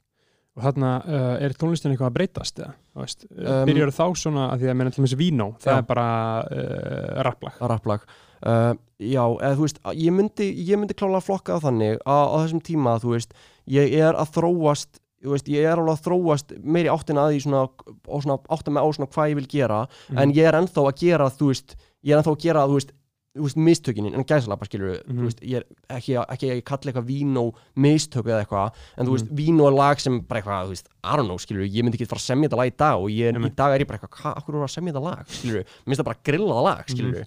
en þú veist, á sama tíma þú veist, það er það, skilur, fyrir mig, skilur Fuck you amigo. Já, fuck you amigo, skilur, ég er bara, þú veist, maður er bara að segja eitthvað, skilur en, hérna, en á þessum tíma erum við samt líka að gera eins og Mean to You, skilur sem að, hérna, er lag sem að, þú veist, varð, var mjög stórt, sko Mhm. og uh, er svona sonically, skilur svona meira í takt við það sem ég kannski er að hugsa bara í dag, skilur Já. er lag sem er með, þú veist, episku viðlagi, bara ógislega Mhm. flott viðlag og, og bara svona flowið, skilur í hérna, hérna vers og bridge er bara Mhm. bara on point, skilur, það er bara mjög flott uh, og, og það, er, það er, þú veist, Mean to You og Tolk verður líka svona dálítið hittari svona hjá krakkunum Já. Uh, og, en síðan, þú veist uh, hef ég sagt áður, skilur að sko að season 2 kemur út á sama tíma og, og fyrsta platan hans Arons, Arons Khan Já. og þegar að ég hlusta á platan hans Arons Khan að það var svona, það var alveg moment fyrir mig þar sem ég fattaði eitthvað svona þú veist, það, þar opnaðist ný annar leigir, bara hefðu vá uh, þú veist, ég vil gera góð lög, skilur ég vil Já. gera lög sem eru bara sem mér þykir væntum, ég vil gera lög sem að hérna, ég nenni að hlusta á aftur og aftur og aftur, skilur Já. og hérna uh, það, þú veist, það var mikill eye-opener, skilur það var mikill eye- eye-opener, hann- því að Mhm. hann er skilur í rauninni, þú veist, við erum með og undan stöðla alls eru kannski með hérna Gauta og Úlf Úlf eitthvað sem að eru Mhm. vinsalir og auðvitað gís, gísla Gísli, skilur, auðvitað gísli er svo stór en hérna en Aron kemur með þetta wave það sem maður er bara tjóðlega þetta fokkin feit tónlist djöfull, þú veist, mér langar að gera mér langar, þú veist, að tjekka þessu skilur Mhm. mér langar að, hérna mér langar að gera tónlist sem, sem mér líður eins og ho- honum líður með sína tónlist skilur veistu hvað ég meina? Þannig byrjar að vanda aðeins meira. ég byrja að vanda mig meira skilur og, hérna, og næsta project skilur uh, One on a Night skilur sem Já. er, uh, þú veist auðvitað er það ekki fullkom project skilur en, hérna, en við erum að vanda okkur meira skilur Já. og við erum að kötta meira við semjum miklu fleiri lög Mhm. þú veist, við erum að kötta alveg fullt af lögum fyrir One on a Nights og veist, og við gerum líka lög, veist, sem að eru og eru to this day skilur geðveik Já. skilur bara, þú veist, Time er bara lag sem þykir bara endalust væntum skilur og hérna og bara, þú veist bara ég er bara, þú veist, hvað stoltastur af öllu á ferlinum er, er bara outputið bara hérna time-lægið pluss Mm. vídeoið Ég ég, ætlaði, sko, ég var að horfa á myndbandi í maður. Ég vil það fucking gott maður. fucking flott Bara þetta, output er bara svo fucking flott sko Bara eitt flottasta íslenska myndband sem ég séð, sko. já, bara, Bara- þú veist, Jói Sjátt á Joey, já, sko. shoutout á Joey sko, náttúrulega gerði time-vídeoið og hérna Svo fallegt með vatninu og fjöllunum Það og í gróðrúsinu og það eru öll elementin er þarna Já. þú veist, hérna kassala, ég veit ekki hvað það heitir. Þetta er allt í svona kassa. já, já, einmitt og náttúrulega Telma Torfa bara ótrúlega í þessu myndbandi veist, hún hérna er svo veist, hún er bara svo þetta er svo rosalegt, skilur við bara force. Mm. og hérna og bara einhvern veginn, veist, það sem er líka bara flott við þetta var, þú veist, Jói var með alls konar pælingar í þessu vídeo og eitthvað svona, þú veist eitthvað svona, þau eiga aldrei að vera að, þú veist, þau eiga aldrei að vera á sama stað nema í þessari sinu og hérna, þau eiga aldrei að horfast í augu nema eitthvað á þessu mómenti og Mhm. eitthvað svona alls konar litlar ákvarðanir sem, þú veist, þýð ekki neitt, veist, þetta þýðir ekki neitt eitthvað svona, það er engin saga í þessu en þetta einhvern veginn svona veist, þetta talar til manns á svona hugrifa leveli, skilur og hérna og já maður, og þú veist, það er, það er alveg, þú veist, eru þetta hérna og þú veist, það, það er kannski svona, þú veist er annar leir að, að opnast skilur bara svona, ok, bara, þú veist, þetta, þetta er alvöru dæmi, skilur um, en áður en að við förum yfir í uh, One One Night, langum bara aðeins að klára hana milli nýjumbilið, þá erum við að tala um sko vorið 2016 Já.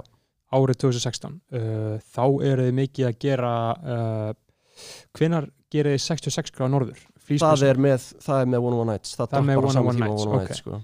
en á þessum uh, fyrir season 2 þá gerum við Sturla Aqua þá gerir Sturla Aqua Já. auðvitað. Og það er með, á hönnunumars það er á hönnunumars og það er. Siggi Odds sem gerir það og hann, Siggi Odds hérna, stígur inn í projektið með, season, nei, með hérna, These Days. Og, veist, og fylgir því alveg og er í One on One Nights líka og veist, er, kemur með þú veist, er, þú veist, hann er auðvitað líka maðurinn á baku, þetta visual identity og, og Mhm. þú veist, þetta svona hann er svona branding snillingur hann er bara, hann er bara Já, hann er bara snillingur, bara branding snillingur og, hérna, uh, og, og býr til brandingið, skilur Sturla Aqua Mhm. og býr til brandingið fyrir Ilmin, hérna One on Nights Ilmin og hérna og þú veist, og ég meina það er, ég meina, þú veist eh, þú veist, eftir, þú veist, djöðlega maður þakkláttur fyrir að hafa gert allt þetta rugl, skilur Mhm. þó svo að, hérna, þú veist, auðvitað hefði maður geta fengið meiri peningi vasan, skilur versus að, að framleiða ilm, skilur en þú veist, djúðis veistla hafa gert þetta skilur Epic, skilur, eftir því. Já.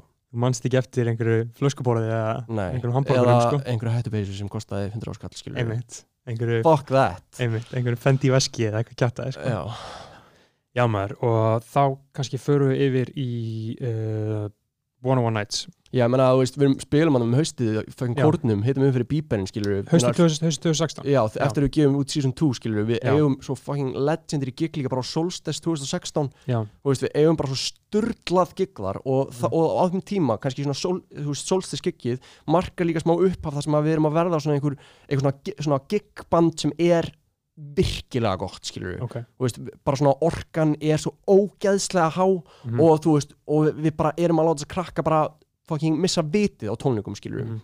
og hérna spilum á bíber um haustið skilur og það bara algjör veistla skilur Já. hérna, þú veist, 20.000 mann skilur back to back, tvö kvöld. Það er frekar sjúkt sko. frekar sjúkt. Hérna, og síðan, þú veist, þetta saman sumar erum við alltaf að byggja Mhm. þetta stúdíó sem við erum í núna. Einmitt. Og hérna, erum að flytja okkur þingkostunum hingað.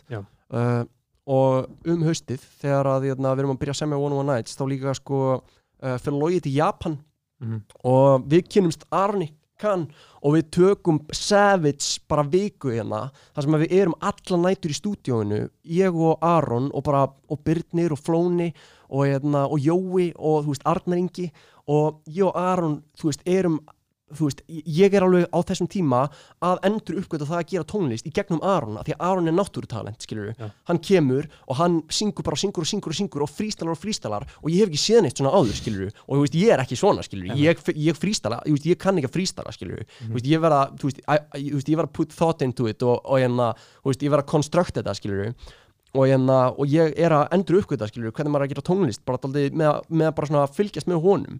Uh, og bara, þú veist klálega eitt svona áhrifamesta sko, tímabili í tónlistsköpun sem ég upplifa sko. það er þessi vika það sem að ég og Aron erum bara að gera fullt af lögum sko. Mhm. og eitt af þessum lögum endaði á One One Nights og það er uppáðslægið hérna One Life One Life, og þú veist, alls ekkert eitthvað besta lagi sem við gerum saman Mhm. hérna, en, en þú veist spilin falla alltaf bara einhvern veginn Mhm. Og þá er þetta haustið 2016 og þá eins og segir, þá eru þú Aron hér. Já. og Byrnir og Flóni líka. Já, Byrnir og Flóni eru hérna, þú veist, þeir eru eh, þú veist, náttúrulega Byrnir gefur út annað sama tíma held ég, annað um haustið 2016 ég held að, ég held að komi eða byrj, 2017 byrjun árs 2017 sko. Já, já, já, já. Flóni er náttúrulega eh, að sjálfur að, þú veist, búin að vera prótsir eitthvað og þú veist, er að Já. taka upp á USB-mækin sinn og, hérna, og þú veist, þeir eru, þeir eru að finna sig eru þeir skilur un- ungir og hungraðir sko. Já, þannig eru þeir ungir og hungraðir, þú veist, eru ekki búin að gera, þú veist, eru ekki búin að gera þetta svona, þetta lag sem er eitthvað svona, þú veist, eitthvað svona, wow, okay, he's gonna be big, en maður veit samt alveg svona, þú veist, þessi gaurar eru með þetta, skilur Einmitt. og they're gonna be big og þú veist, þeir, hérna, það er bara alveg að fara að gerast, Akkurat. og sem að, það gerist síðan, skilur að sjálfsögðu. Uh, og þú veist, þetta er flott tímabil skilur og, og við keirum við keirum One on One Nights í gegn skilur alveg klálega eins og við erum að keira hinn projektinn uh, á sama tíma við þetta þá er hérna, þá eru menn líka uh, þú veist hérna, þú veist eins og Jói er á þessum tíma skilur sjálfur byrjar að gera svona sólostöf þegar við erum að gera One on One Nights og hann, Mhm. þú veist, gerir held í fyrstu lögin á Anxiety City þegar við erum að gera One on Nights Mhm. og hérna þannig að svona þú veist, smá í kjölfara á One on Nights þá, þú veist, einhvern veginn One on Nights kemur og síðan svona, þú veist og í kjölfara því kemur alltaf ótrúlega mikið sko, þú veist, það kemur Já. One One Nights og Time og síðan kemur, þú veist, Anu Khan með hérna, þú veist, fyllir vasar og, og í nóttplöðuna skilur Mhm. og síðan kemur, þú veist, Jói með hérna, sína sleggju um sumarið skilur tvær plötur og Cypherinn og síðan kemur, veist, Flóni stötu síð, síðan með sína plötu Mhm. og, og síðan kemur út í game um haustið skilur Mhm. þannig að veist, þarna er alltaf að fara að fucking springa og, og þetta Já. rap dæmi er bara orðið fucking huge mainstream dæmi skilur Peak 2017 eða Peak 2018 byrjun þarna eru hlutir á vissan hátt að píka þarna eru hlutinir að gerast og þarna þið gefið út uh, One on One Nights Já. Uh, 16. mars 2017 Já. bara á um þryggja ára ámali Já. og þar eru ennþá bara Sturla Atlas Já. þarna er ekki neitt featuring Logi Petro eða featuring Nei. Joey Christ Nei. þarna eru þið ennþá í rauninni einheilt þið já, en síðan eftir það þá Kemur- verða þeir til sem soloartistar já sko, I know kemur og I know kemur bara út sem styrta allas Já. en uh, Jói verður náttúrulega soloartist á sama tíma og I know er að koma út Já. en uh, uh, Logi gaf náttúrulega ekki út sitt projekt fyrir sko 2018 og þú veist, þegar hann varð veist, artist á Spotify skilur þá, þú veist, hann er núna kreditaður sem featuring Já, til dæmis á, á I know skilur Já. en, uh, en þú veist, jú, ég meina, þetta eru umróta tímar skilur og þarna Mhm. eru hlutir að breytast og þarna er, þú veist, einmitt, Jó er að gefa út sitt út og, og, hérna, og þarna, þú veist er, uh, þú veist, fer ábyrðin kannski líka úr því að vera skilur þetta er bara svona hérna heldar project skilur, þetta er hérna, við erum allir saman að gera þetta Mhm. og, og ábyrðin verður við það líka meira svona einstaklingsmyndin þarna skilur og, og hérna, þú veist þú veist, ég er með hérna, þú veist, ég er með þú veist, hugmyndir um hvað ég vil gera næst skilur í tónlist og hvernig Já. ég vil að það hljómi og ég og Logi gerum fullt af lögum saman og síðan, þú veist uh, síðan, þú veist, vildi ég líka gera lög sem ég væri bara einn á og hérna, og þú veist og já, þa þarna er líka svona tímabila sem að ég bara svona þú veist, er rosa mikið að þú veist, þarna verð ég mjög hérna, þú veist kritískur skilur á Ok, sjálf mig og einmitt. byrja mjög mikið að bara eitthvað svona ég fokka ekki með þessu skilur ég Mhm. ge, ge, ger eitthvað lag og ég, þú veist, hérna þú veist, fokka kannski hef ég með viðlæginu en ekki með versinu Mhm. þannig að ég bara, þú veist, fuck this ég, ég er ekki að fara að halda áfram með þetta Einmitt. og hérna og auðvitað hefst þannig líka tímbil skilur það sem að ég þú veist, við gefum út I Know og síðan kemur næst singull þú veist, kannski svona tíu mánuðum setna eða eitthvað sem er No Tomorrow. Og, hérna, og þú veist, og ég sem ótrúlega mikið af lögum og ég og Arnar, Jón Narsson þeir erum bara í stúdíónu ógeðslega mikið saman á þessu tímabili, svona eftir I Know og fram að No Tomorrow og semjum ógeðslega mikið af lögum. En hérna, á saman tíma og semjum við einhvern veginn, þú veist, við erum alltaf daldið svona almost there, skilur við Mhm. við erum, við erum með fullt af lögum sem eru svona ah, þau eru svona, þau eru næstu í nógu góð og, og það vantar kannski stundum eitthvað svona kapla í þá skilur í Mm. lögin og, og þú veist og, og ég geng þarna gegnum svona tímabil skilur það sem að ég er en að það sem að ég ætla núna, þú veist, núna ætla ég að leggja niður fótinn, núna ætla ég að, hérna, að fá að gera tónlistina sem ég virkilega bara svona, ég vil virkilega fá að gera og var þá náttúrulega þið eru bara þrýr bestu vinnir sem að raunin frontið þetta en uh, skilinlegt að koma upp einhvers konar ágreiningur. Eða þú veist ekkit endilega á melli mín, ágreiningur Jónas og Loga já, Já, veist, það, það, það var ekki ágreiningur en þú veist, það var annum haustið þegar Jóa byrjaði að kikka líka mikið sjálfur að, að við tókum styrta alls ekki og Jóhann sagði bara eitthvað, herri gaur, bara ég, þú veist, ég held að þetta sé ekki alveg máli lengur að ég sé að koma fram með styrta allas ég bara, þú veist, dínan ekki lengur ég ætla bara frekar að koma fram sem Joey. Og ég var bara eitthvað, já maður, þú veist, auðvitað skilur Mm. og, og auðvitað var eitthvað lið í kringum mig sem var eitthvað svona, nei, eitthvað eins og það var ekki mikið Já. mál en þú veist, þú veist, mér fannst það aldrei vera eitthvað issue skilur og, og mér fannst það bara vera sjálfsagt skilur þetta er haustið 2017 Já. eftir Cypherin eftir sæfrin, já, Já. og hérna, já en á bara uh, náttúrulega öllu þessu ferli Já. uh, öllu þessu ferli hafi alltaf verið þú veist sammála um allt, allt, öll stefnan alltaf margir sem að, sem að eru að stjórna þessu styrla allas, allas projekti Já. Og þeir hljóta að hafa verið mismundi skoðunir á hinn og þessu hvernig þetta er gert og Hver, á hvaða tímapunkti meina bara yfir, yfir allt, yfir heildina litið sko. uh, þú veist, þú veist, var, var, var aldrei erfitt að finna svona sameilan punkt á öllu uh, þú veist svona já og nei, menna, veist, þegar við erum að keira þannig að sem mest útskilur auðvitað að Mm. koma upp veist, einhverju ágreiningar og eitthvað svona en, en þú veist, við erum alls ekki að láta það að standa í vegi fyrir okkur Nei. en þú veist, það sem gerist kannski þannig að svona þegar, þú veist, svona í kringum þetta one on one night stæmi og svona eftir það að þá eru menn kannski aðeins meira farnir að vera svona, þú veist, Jói vill gera sitt dót, skilur Mm. og hann verður þá bara að fá að gera sitt dót og, og hérna og þú veist, og sömulegis ég skilur þegar ég er Mhm. eftir One on Night og ég er að gera mikið með loga og þú veist og, hérna, og ég dýrka það skilur og dýrka að gera tónlist með honum og síðan fatta ég líka bara eitthvað svona, ég verð líka að geta gert tónlist veist, ég vil líka geta relæðað meira á sjálfa mig skilur Mhm. og hérna uh, og þú veist, það verður ekki þú veist, það, ég veist, ég er ekki góður í að lendi rifrildum með fólk sko, veist, ég er hérna, þú veist, ég er dipló sko, Mhm. þannig að ég lendi ekki mikið í einhverjum rifrildum og eitthvað, en hérna þú veist, nei maður, það, veist, það er ekkit eitthvað fólk er ekkit eitthvað út í hvort annað en innum útistöðum, þú veist, hlutir eru bara að breytast og þú veist, breytingar geta alveg verið óþægilegar og þú veist, Mhm. og auðvitað er þetta líka tímabila sem ég er eitthvað svona, geða mikið eitthvað svona, ó, ég var að finna sjálf á mig og ég var að finna sjálf á mig í tónlist og hérna, og eitthvað svona, þú veist og maður er bara að spyrja sig bara eitthvað, hver er ég og eitthvað, þú veist, svona dót skilur en hérna, en þú veist ég, auðvitað veit ég átt að ég með á allan tíman að þetta er bara holt, þú veist, það er alltaf holt að ganga í gegnum svona, fyrir þig, bara fyrir artistan skilur, og hérna og þú veist, og auðvitað ultimately þá viltu vera að gera það sem þú veist, serverar þú, þú vilt vera, þú veist, þú ert að servera listinni skilur, þú ert að Já. servera artinu og þú veist, ég er ekki að, þú veist ég, ég er ekki á þessum tíma að eitthvað dæla út þessum hálfklóruðu lögum eða þessum lögum sem, eru, sem ég er ekki nú ánæði með að því að þú veist, að því að núna er ég bara ég er kannski að hugsa það eins öðruvísi skilur Mhm. og ég vil gera þetta á annan hátt Akkurat, akkurat uh, og þá eru komnir við erum svona komnir hérna þegar að One on One Nights kemur út Já. uh, standa vinstaldunar þá sem hæst Uh, þú veist, við erum hana, þú veist, gaur þetta, þannig að voru 2017 Já. þá er það bara, þú veist, það er ég og, Aron Kahn mm. og þú veist, og við erum bara, þú veist ég er bara, þú veist, það er bara domination á þessum ballmarkaði, af því að það er ekki önnu bönd, skilur Nei. og þú veist, maður er bara, maður er að spila ógeðslega mikið og síðan um haustið þá kemur út, þú veist, Flóni er komin út Jói er komin út, Jópi og Króli eru komin út, Mm. uh, Birnir er að, er að byrja að spila mjög mikið þannig að, þú veist, já, já, já, þannig að, þú veist, á Mhm. þessum tíma þá, þú veist, eru allir að þú, veist, það eru allir að hérna, að fá að spila meira og meira og meira og þú Já. veist, auðvitað er maður þá fyrir vikið ekki að spila mikið og maður spila það fyrir hálfa ári skilur Mhm. uh, en þú veist, á sama tíma skilur ég menna, þú veist, maður er veist, ennþá alveg að- spila skilur veist, en eins og áhugavert ef þetta hugsa það því að þetta er svo ótrúlega mikil umbrotatími þannig að 2017 Já, sko, það er allir komað fram. Uh, þá eins og þarna, Herra saði í fyrsta hættinum já, þegar hann kom hann þarna, talaði um að hann horfði á sem mjög mikla samkjöfni já, uh, þannig að þú veist, eins og til dæmis ég spurði hann uh, hvað, þú veist, að Flóni gefur lag skilur það, Já. að hann, hann horfir á það sem hægri krók? það er bara, það er bara menn, menn bara, bara ógna brauðinu sko.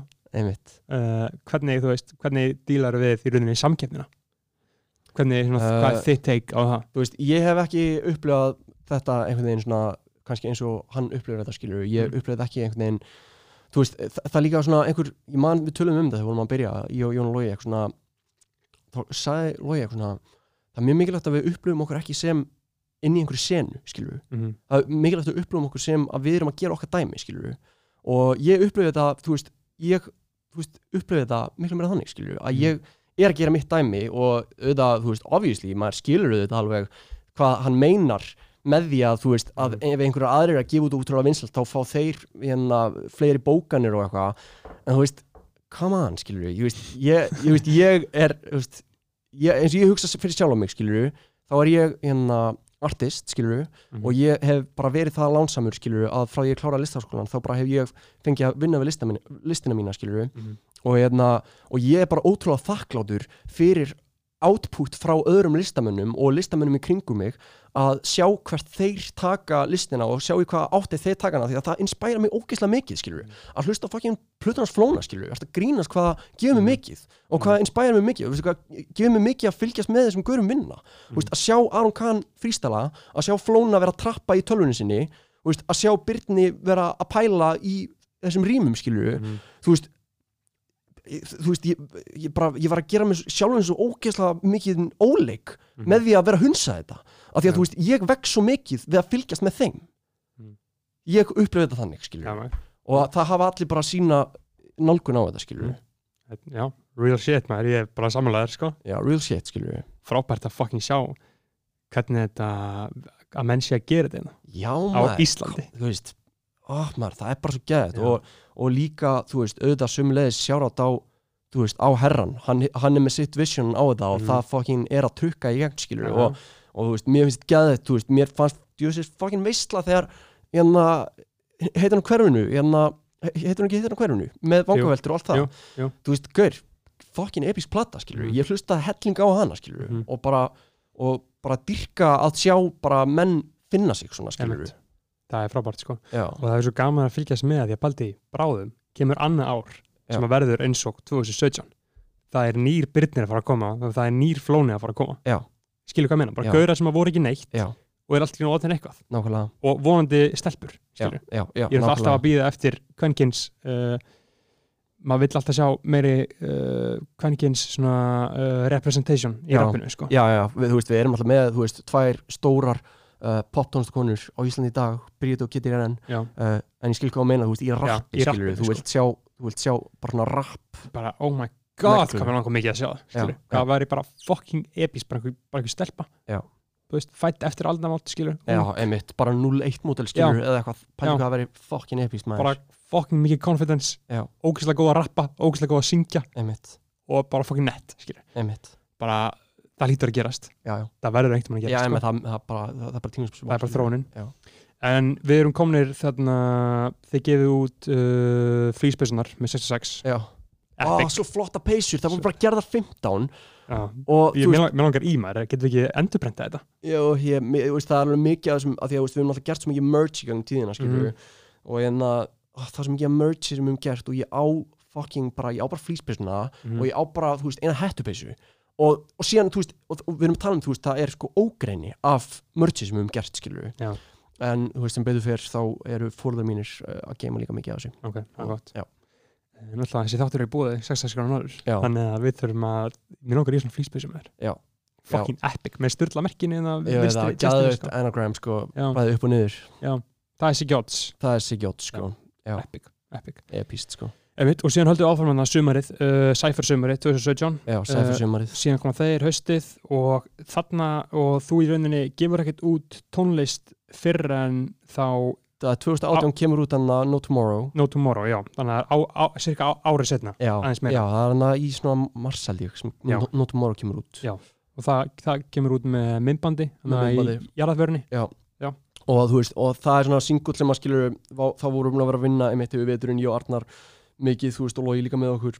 Mm og, og þú veist, maður er að vera þú veist, maður er að vera pikki og maður er að vera maður er að, þú veist, efast mikið um sjálf sig í músíkinni skilur og maður Mhm. er að einna og maður er, þú veist, maður vill maður, maður vill setja standardin mjög hátt skilur og þetta var, skilur þetta lag, skilur, sem er hérna, ótrúlega rólegt og ótrúlega, þú veist, þetta er ekki singull, skilur, þetta, þetta lag er ekkit singull, skilur uh, en þetta var lag sem, þú veist, uh, þú veist mér þóttu mjög væntum, skilur og okkur þóttu væntum og, og ég hugsaði bara, þú veist, þetta er lagið sem, þú veist, mér þykist, þykir mest væntum af þessum lögum sem við vorum að vinna.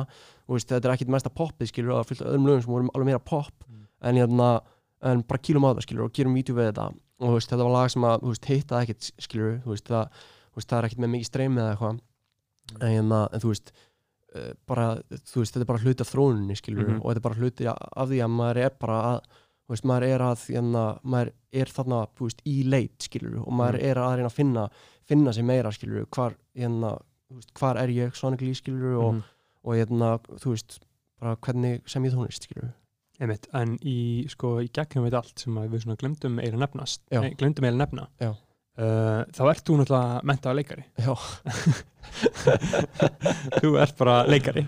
Uh, lögvenda starfsendi Nei, ekki lögumendast einmitt, staðsveiti, ég- það, það er da- málið með leikara, sko. og einmitt mól, Móli kom í skónabræður og var einmitt að segja að leikari ætti að vera lögvenda starfsendi Já, gott, gott að hann sé að bera upp kindilinn fyrir stjettina bártumæður uh, Edgar reyndar sem ég fannst sko svo epic sem við vorum að tala um hann tala við hann, þegar hann var að tala um að hann hættur samfélagsmiðlum Já, já, já, einmitt. Og sagðist bara hafa verið á samfélagsmiðlum til þess að geta vera leikari, nú er hann orða leikari og fara ekki samfélagsmiðl Já, já, já, það er náttúrulega fokkin epíst, sko. Fucking king, king Móli en þarna, það sem ég ætla að spyrja uh, gegnum þetta allt, já, þá ertu náttúrulega líka að starfa sem leikari. Já.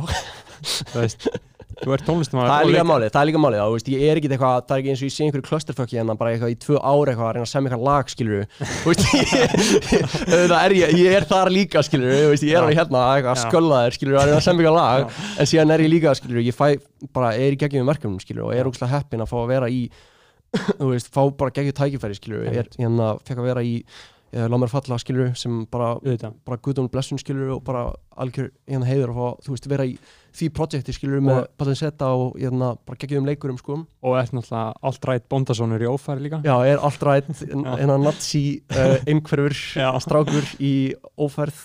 Og þú veist, bara saman sagan það skilur bara heiður að fá að stíga inn í þannig verkefni sko. Einmitt. Og síðan náttúrulega líka bara samhliða þessu skilur þú veist, við höfum alltaf verið með á kantinum þú veist, að erum að leikstýra mentaskóla sýningum ég og Jóhann Kristof saman Einmitt. og uh, uh, gerðum sýningu 2016, 2017 2018 gerðum við sýningu í borgleikusinu hérna fyrir tíundubekkingar Reykjavík Mhm. sem að við hérna sömdum sjálfur og, og, og leikum sjálfur í Mhm.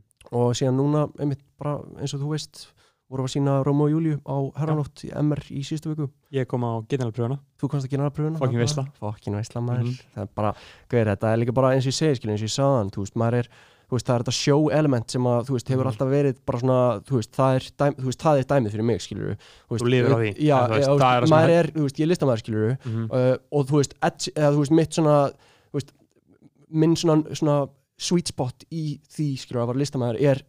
the show, skilur, Mhm. og bara að dyrka það, skilur Já. og, hérna, og það er gaman, þú veist, að maður er að fá útráðs fyrir því auðvitað, með músík, skilur Mhm. og, hérna, og sömu leiði, skilur, þegar við erum að gera eitthvað svona eins og að leikstýra eða maður er að fá að leika einhverju, skilur Mhm. þetta, þetta talar allt saman, skilur En hvernig, þarna, uh, ef maður bera saman alltaf, fólki vill uh, vita um uh, svona, hvernig fólk lifir á þessu Já. alltaf ekki allir Íslendingar sem að eru svo af hefnir að fá að lifa á listin sinni Nei. pældi í hvað eru margir að fokkin ströggla já, maður, þú veist, þú veist Uh, er, og þú hefur fengið að lifa á báðu Já. að vera sem sagt uh, tónlistamæður Já. og að vera leikari um, ef þú myndir bara velja annað hvort, hvort myndir velja gauðir, það, þetta er smá ósangjart eða að spyrja því, sko hvers vegna? að því að þú veist að því að Ég, ég, ég bara tala um sko ekki að búa til listina heldur Já, að tala um lífsgæðin sem fylgja skilu kaupið, pókanir hvort er auðveldara að vera að trappa sig út í leiklistinni eða trappa sig út í söngnum? Uh, þú veist uh, fuck maður, ég menna, það eru þetta bara, þú veist, ok, atvinnutæki fyrir, leik, fyrir, fyrir leikar á Íslandi eru á mjög skortnum skamti, skilur Já. þú getur verið inn í húsi, skilur þjóðlugusinu eða borgleigusinu með, sem leikari og getur verið með fastan samning og þá farið mánaðalögn, skilur Mhm. síðan eru kannski fimm íslenski leikarar sem lifa á því að, að leika í bíómyndum, skilur Mhm. það er bara hérna Ingvar E. og Ólöf Darri og Hera Hilmars, þú veist Mhm. uh, og Jónus Haugur, þú veist, Mhm. kannski eitthvað þannig uh, þannig að við erum að tala um að kannski, þú veist, kannski eru þú veist, hvað hvað er að tala um, 30 og eitthvað íslenski leikarar sem geta lifað að vera bara leikarar, skilur við Já. þannig að, þú veist, og hvað eru margir tónlistamenn sem lifa á því að vera bara tónlistamenn, ég veit, ég veit það ekki en þú veist, mynd, aðeins meira já, ég myndi halda að það væri, þú veist statistically eru auðveldara að vera tónlistamæður, Mhm. en þú veist það er ekki auðveld að vera, þú veist, það er bara þú veist, að meika það og, og að breyka í gegnum, þú veist, að breyka í gegn og ná að lifa á listinni, skilur Mhm. það er, þú veist, það er afreg, skilur eða, þú veist, Já. það er, þú veist, það er mjög margir sem myndi segja að það sé að meika það, skilur Einmitt. að þegar þú getur lifa á þessu, skilur og náttúrulega stór munur á að leikarar geta verið að píka 50, 60, 70 Já. ára gamlir sko. það er náttúrulega en máli í tónlistinni þarf að halda þér heitum sko. tónlistin er að halda það heitum og náttúrulega, og þú veist, pop tónlistamenn eru þú veist, það, hérna þú veist, þeir eru vanalega þú veist, hérna í kringum tvítugt og í kringum þrítugt, skilur Já. hérna, þú veist, alveg meira í kringum tvítugt auðvitað, en síðan, þú veist, eru líka margir pop tónlistamenn sem, þú veist, eru gera vinsla tónlist og eru orðin 30 okkar, skilur Mhm. um, þannig að, þú veist uh, já maður, ég, ég veit það ekki, þú veist, ég elska bara bæði, skilur, ég bara elska bæði. Þetta er bæði bara gott rapp og nák nákvæmlega sama með listsköpun eða ekki? Jú. Þú veist, en uh, myndir þú eftir 20 ár heldur þú að vera ennþá að gera tónlist og að leika já, Eða, ég held það, sko að Þú þetta mun, aldrei breytast Já, ég held að ég eigi eftir að vera að sko gera list alltaf sko Já. eða þú veist, ég held það ekki, bara svona, veist, það er bara það sem Mhm. svona my gut tells me, skilur Einmitt. og, og þú veist og, og ég, þú veist, það sem að ég líka sé fram á að gera í framtíðinni, skilur er líka að stækka við mig og, og þú veist, og að gera þú veist, og að, að geta unnið á fleiri miðlum, skilur Mhm. þú veist, núna er maður með þetta dæmi maður er leikari, maður er Mhm. söngvari, skilur Mhm. þú veist, ég vil alveg líka og, og, og, þú veist, maður er leiksturi, skilur ég hef gert sýningar, og útvarsmaður útsmaður, maður er entrepreneur Mhm. en þú veist, líka á einhvern tímúndi, skilur þú veist, Mhm. ég vil alveg, þú veist, ég vil gera bíómynd, skilur Mhm. þú veist, maður er bara Mhm. mm. maður, þú veist, gauð, ég er líka svo heppin með það að, þú veist, ég er svo ógeðslega heppin að hafa svona mörg ví, veist, að vinna á svona mörgum stöðum skilur einmitt, að þú veist, maður horfir á skilur eitthvað leikara eða tónlistamenn skilur og, og lið sem er að gera bara fucking episka hluti og, og, og þú veist og, og ég hugsa, þú veist, alltaf bara eitthvað veist, ég hugsa alltaf hvað ég er ánægð með þú veist, að Mhm. geta gert fjölbreyta hluti skilur einmitt og þetta er svo fallegt sko með innbósturinn ég vil meina sko að þetta komið mjög mikið uh, frá Kanye Já. þegar Kanye er rappari, pródúser söngvari, tónlistamæður, fatahönnur uh, leikstýri myndböndum ger, gerir allt skilur Já. og núna er hann bara uh, Kristinn maður Já. og bara hafa séð einhvern gera þetta Já. þá sér ég, ok, þú þarft ekki að skilgrana ekki skilur flestir svona lestamenn í dag eru rauninni mjög óskilgrendir sko. já, einmitt núna er ekkert svo skrítið ef að til dæmis bara ef að Flóni myndi allt í hennu vilja fara að vera leikari já, nákvæmlega þá var allir bara, ok, gækja með já, ég meina, þú veist, maður, þú veist, halda áfram já, ég Skilur. meina þú veist, en fyrir kannski Kanye og svona þessa þróun þá var það kannski, hey bro, veist haldið við það sem er góður í, skilur þú ert ekki actor já, Já. ekki fucking actor uh -huh. en að já maður, bara eins og við, við vorum að tala um þú veist, fyrr áðan en að þú veist, bara helvitis svíin, skilur, líndúar, skilur Mhm. bara kvílit innspó, Já. skilur hvað þetta varðar í að vinna á alls konar Já. meiðum, skilur, þú horfir þar á skilur, uh, tónlistamann sem er þú veist, hann er bara, maður sé bara, hann er bara listamann, skilur Já. hann er bara, bara bara allt, bara allt outputið Já. er list, skilur og það er, skilur, auðvitað er það ultimate goalið að, þú veist, allt outputið þitt bara sé, bara lífið, lífið á listin, skilur, Já. það er bara það hann er svo fucking góður sko. já, maður, sérstaklega sko svo mikil geit þarna er líka sko sjón uh, myndheimurinn sem hann fylgdi, Stranger Já. öll myndböndin, við Red Bottom Sky Hunting My Own Skin og allt þetta Já. bara fucking ruggluð ja, þetta er bara ruggláð, bara ekki hann í sænsku sveitinni? Já, fucking epist þetta er svo epist maður. Þannig að við klárum svona fyrir hluta Já. uh, hlaðarsins Já. þá erum við erum komnir, þú gefur út uh, No Tomorrow já, uh, 2018, mhm, það er svona næstu fyrir tveimur árum. Emitt uh, og það bara, þið eru sátt með það skilur, Mhm. en það er engin eitthvað streymi snegla, nei, nei, nei, nei, en bara það þú, er bara eins og það er, þú, þú bara gafst út það sem þið fannst gott og stendur með því, fellir með því nákvæmlega, nákvæmlega.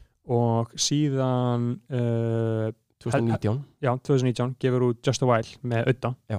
tónlistamannum Auður. Auður. Segir maður Auði, ja, þetta er alltaf maður veit það ekki, ég segi bara auður, tónlistamæðurinn auður. Já, tónlistamannum Auður. Uh, út Just a While. Já.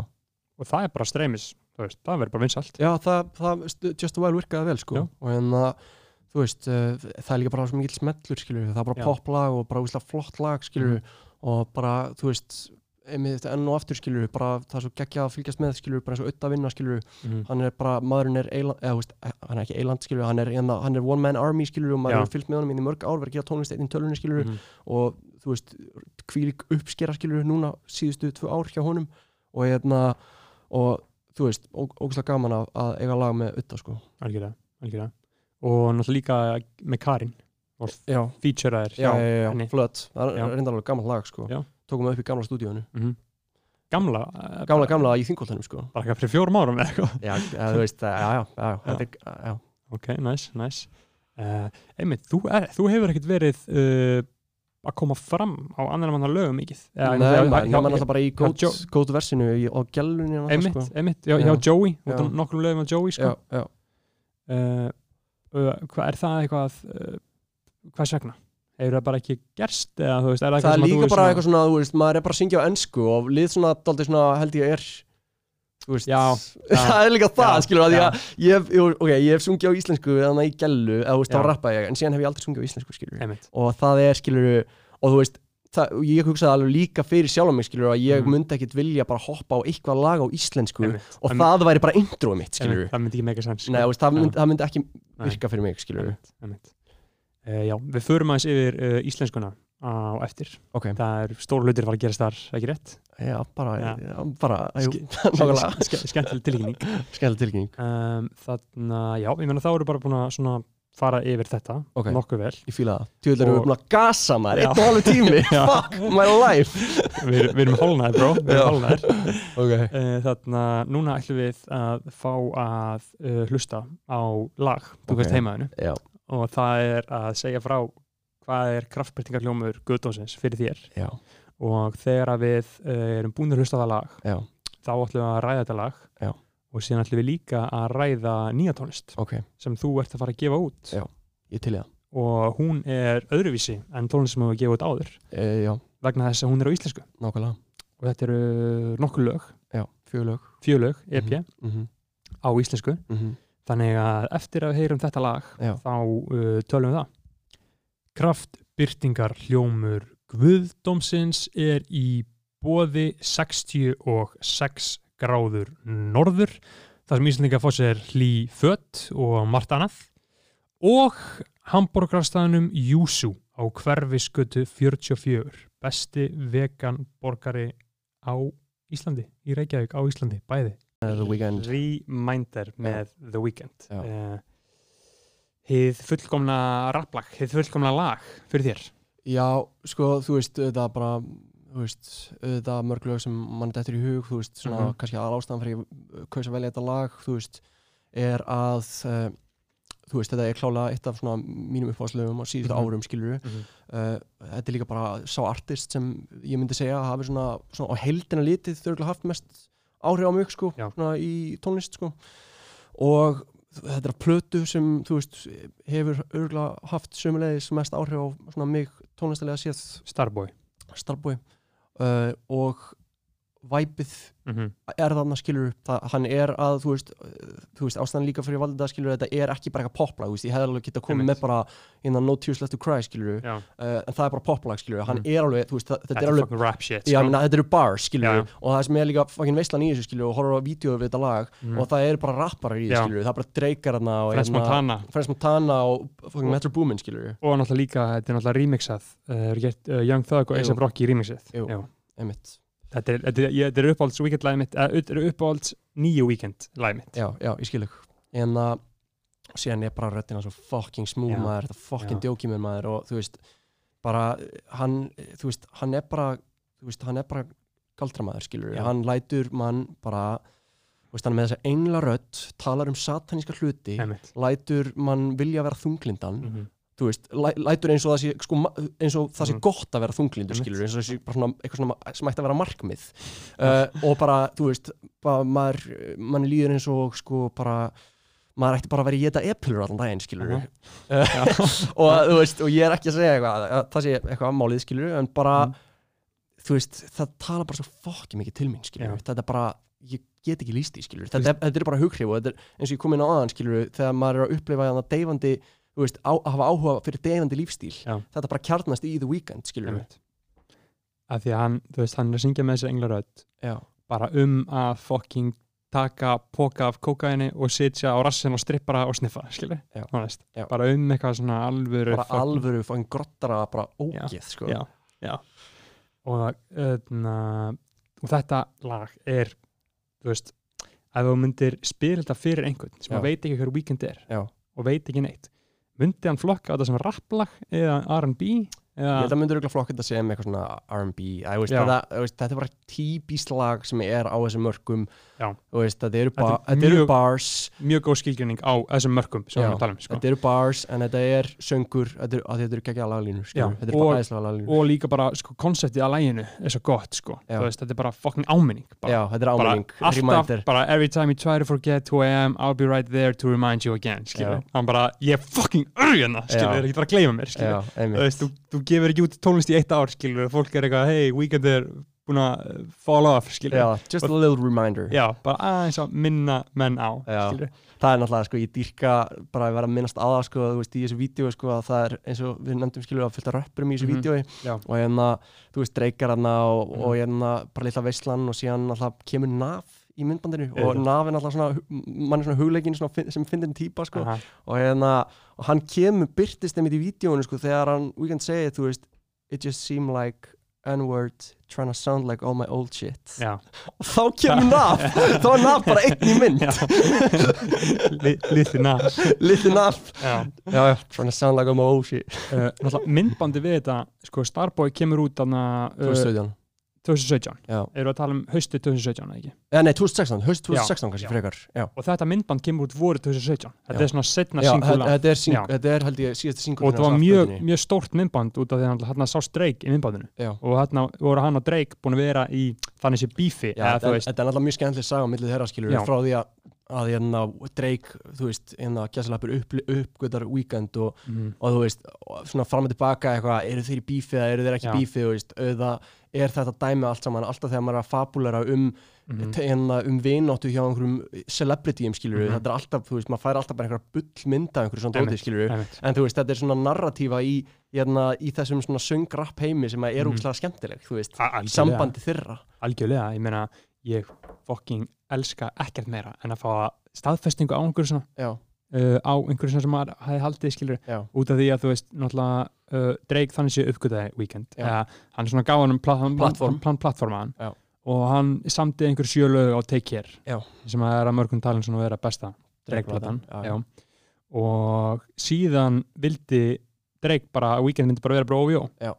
en Weekend var bara, heyrðu ég, ég uh, bara gert þetta sjálfur. já, bara ég hef bara séð að þú ert svona alltaf bara Robin við einhvern Batman, skilur, þá myndi aldrei ná að skína. En Weekend sagði bara, ég ætla að vera minn einn maður. Nákvæmlega. Please.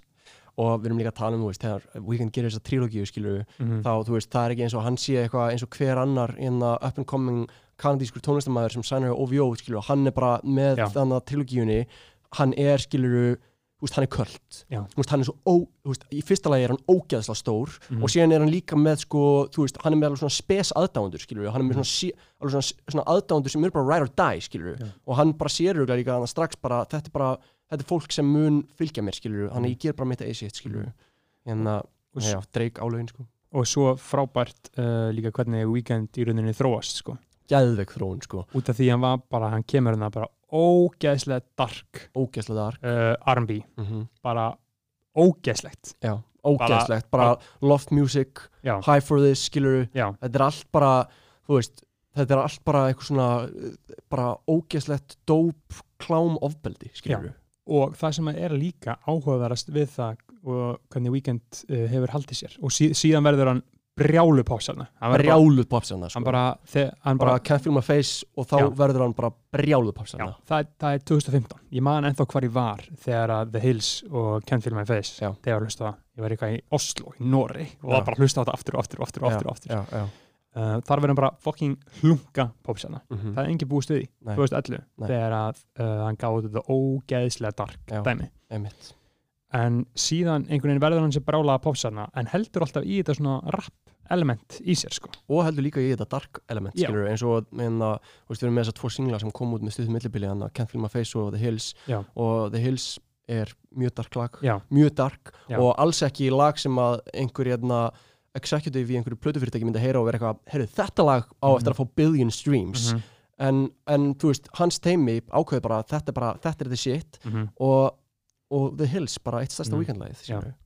og það sem er líka svo þótt að Víkend sé bara stærsta popsana í heiminum að Já. það sé ekki stærsta kalkins að hann og Drake eru svona Drake er talsvert stærri en já, Weekend Drake er talið stærri en Weekend er hann að hann er, se- hann er seinni up there tíðinum, skilur, já, já. hann er up there sko hann er svona Justin Bieber er smá búin að missa missa hans tök á þessu sko Já.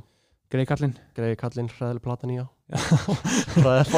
Já. maður eins góða purpose var sko. Já, ógíslega leðið og líka bara ógíslega leðið að sjá Justin Bieber. Ég horfði á horfði á á Saint Lowe viðtalið við hann? Uh, já, ég horfði á það, það var hræðilegt. Og síðan horfði ég líka bara á YouTube líka. Og þú veist, þetta er náttúrulega, æ, veist, þetta er bara, þetta er bara tragedía, skilur, þetta er bara sorgarsaga að Já. fylgjast með þessum strák, skilur, af því að, þetta er bara þú veist, þetta er ekki menns, skilur, þetta er ekki fyrir neitt, þetta Nei. líf er ekki fyrir Nei. neitt, skilur, hann hatar að performa. Já. það sést bara á hann það sést bara, sést bara á honum og þú veist, hann er bara með brenglaða heimsmynd, hann er brenglaða heimsmynd og brenglaða sjálfsmynd, og skilur, ma- maður bara veit það bara með þekkjan að sjá hans hann bara hatar að performa. Já. og síðan var eitthvað managerinn þannig að konan ekki, ekki, skútur brón konan að eitthvað there's nothing in the world that he loves more than performing og þetta fólk er bara pína til að performa. Já, og, og ég meina, maðurinn er peningavél, skilur Já. hann býr bara til endalsa peninga fyrir eitthvað, einhverja suits Emmett. þú veist, í einhverjum fucking hérna, hjá einhverjum fucking Já. leipurinn, skilur og, hérna, og þau bara, þú veist, hann er bara skilmingaþrætt Já. skilur hann er bara eins og, þú veist Einmitt. bara, hann er bara eins og Jackson eða eitthvað skilur eins og uh, gott dæmi sem við erum búin að tala um í þettinum uh, og hún tala um Young Lee náðan Já. ég hlustaði á viðtal við hann, hann var í hérna, Trinity College í Dublin það og þar sagði hann einmitt þegar hann spurður sko, uh, fyrir hvað gerir tónlistina. Og hann var að tala um hvað hann gerir fyrir aðdánduna eða markaðina, eitthvað hann sagðist bara pjúra að gera þetta fyrir sjálfan sjálfan sig. En þá tók hann dæmi að hann getur gert það. Og síðan tók hann dæmi að Drake til dæmis mm þarf að gera tónlist sem verður vinsæl. Að því að tónlist hans þarf að seljast út af því einmitt eins og þú segir, hann er með hundra manns í vinnu. Já. sem eru bara að algjörlega reyða sig á peningin sem að mun koma frá þessari tónlist. Já, merk sjúa, þú veist Já.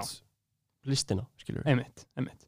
En já, aftur, aftur að uh, The Weeknd þá hann hefur aldrei farið í viðtal þú veist já, ekki hann, hann, shit það, um er, það Weeknd er Sane Low viðtal við The Weeknd sko sem er ekki, Já. á, Yout- það er ekki YouTube en þú getur fundið Ok. okay. ádjóna og það Já. er meira en klukkutími ok, og ég ég, hef ekki mæli bara með þú já, wow, ég hef ekki séð já, bara hlusta á það bara ef þú fundir MP3 hana því, bara Mhm. Sane Low Weekend einmitt. og hérna hann er þar, hann hefur komið í eitthvað svona GQ viðtalið eitthvað sem Já. náttúrulega fer kannski ekki eitthvað svona allt og dýp en þú veist maður vill fá þetta þennan feeling, þú veist hérna podcast feelingin skilur Akkurat. og maður fær það smá í þessu Low-viðtali. já, en það sem er líka skilur einmitt geggja við Weekend skilur Mhm.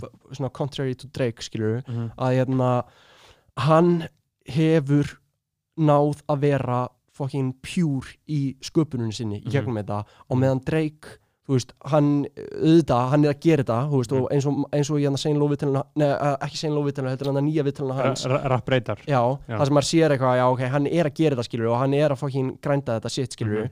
en, en, þú veist, hann er líka bara hann er líka bara eins og þú segir skilur að gera tónlist fyrir einhvern veginn the big industry Já. og meðan maður bara finnur bara á weekend hann er bara að gera fucking, þú veist, hann Já. er bara að gera sína einmitt sitt shit skilur algjörlega sko en Drake er náttúrulega líka bara síðan gefur Drake út lag bara fjóra mínútur sem hann rappar bara Já, og er ekki já, viðlag skilur. algjörlega, Þa- algjörlega. þess vegna elskar ég Drake svona fokkin mikið út af því sé bara ok, bera virðingu fyrir Já. því sem hann gerir Já. þetta er- þetta er eins og bara til dæmis bara herra Já. þú veist, gefur út poplögin sín skilur, einmitt, sem að er ekki stílu á mig skilur einmitt, en síðan gefur hann út bara eitthvað sem bara straight up rappar skilur. nákvæmlega þetta er bara góður millifur að fara sko. Að ná til uh, almennings, the masses mm og halda svona aðdándurum sem voru aðna alveg frá byrjun sko. nákvæmlega sko. En þarna, aftur að, ég glinda að klára með það Justin Bieber, Saint Low vitali Já. ég er bara svona vorkind honum já, ég líka sko. Hann var bara eins og, er ekki sér Game of Thrones, hann var bara eins og rík Game of Thrones, já, Theo- Theon Greyjoy eftir Já. að búa skýrendur hann hann hann var bara þannig í viðtali. Bara svona, ú, greið kallinn og maður. greið kallinn og þú veist, þegar hann er að tala um þegar, þú veist, hvernig hann talar um Guð já, það er ótrúlega skrítið, skilur Já. það er bara, það er bara greið kallinn, skilur Já. það er bara, þetta er bara, það er bara sorglegt að fylgjast með þessu, skilur en að, já, Bíberinn. King Bieber maður. Mm. en þarna, einmitt, almennt um svona uh, rapptónlist og tónlist. Já, hvað er svona, þú veist feitast að shiti sem er haft svona mest áhrif á þig Í- við þá að segja að það sé The Weeknd og Aron eða? um, sko, þú veist, stærstu artistandi mínir, skilur á Spotify of the. Decade, skilur það er Drake, skilur Já. er Drake, Mm. og það er The Weeknd Mm. og, þú veist, ég hlusta ógst mikið á Roy Woods Epic, já hann er svo fucking góður og ég, eh, Ariana Grande er líka einn af þessum artistum, ég hlustaði Mhm. ógst mikið á plöðuninnar hérna Thank You Next og Sweetener Mhm. ég fór að sá hann live í Chicago í fyrra Epic uh, og síðan er Khan líka hana Já. og hann er mm, náttúrulega bara uh, veist, hann er bara magnaði Einmitt. og þú veist, þú veist ég, ég satt að það skilur og, og hérna uh, þú veist, hann er bara þú veist, hann er bara náttúrutalent skilur hann er bara Mhm. eins og Hilmi Snær er, mm. mm. þú veist, er leikari skilur Mm. og þú veist, ef Aron Kahn væri bara í bandaríkjunum þá var hann bara, þú veist, hann væri bara dreik skilur Já. það er bara staðan ekki ég meina það er bara staðan mm.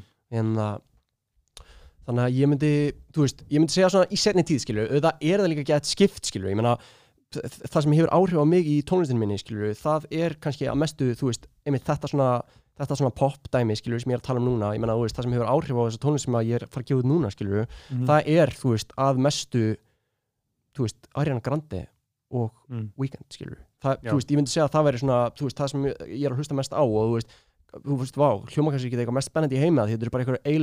pop í enna Mhm. drullur, skilur en þú veist, ég dyrka pop, skilur það er mitt dæmi, skilur og Mhm. ég, það er líka bara þessi þróun sem ég, þú veist, tölum um í fyrirhlutunum sem er búin að eiga sér stað að þú veist, ég er bara svona búin að fatta meira og meira og meira að bara tónlistin sem ég elska, það er bara poptónlist, skilur Mm. og ég, þú veist, hlusta uh, þú veist, ég hlusta ekki mikið á rap skilur Nei. og í gegnum tíðina ég hef, ég hef hlusta mikið á rap í gegnum tíðina en ég hef aldrei verið típan sem að fer í gegnum alla diskografíuna eins og þú veist að tala um við Jarlinn skilur þú veist, ég er ekki típan sem að hérna, sem að þekkir hérna, þú veist, þróunna í rappi East Coast, West Coast, þú veist, Tupac, Biggie allt þetta dót skilur þú veist, ég, ég hef alltaf verið í kringum fólk sem að, sem hérna kannski þú veist, sem þekkir þetta, sem, sem fer í diskografíun og fer í núansuna og maður fær fyrir vikið alveg mikið bara að heyra svona, þú veist, það, hérna svona top layerinn, skilur Heil, svona heildar sínina en ekkert beint ofan í allt Já, sko. Já, ég, ég myndi svona dálítið lýsa svona,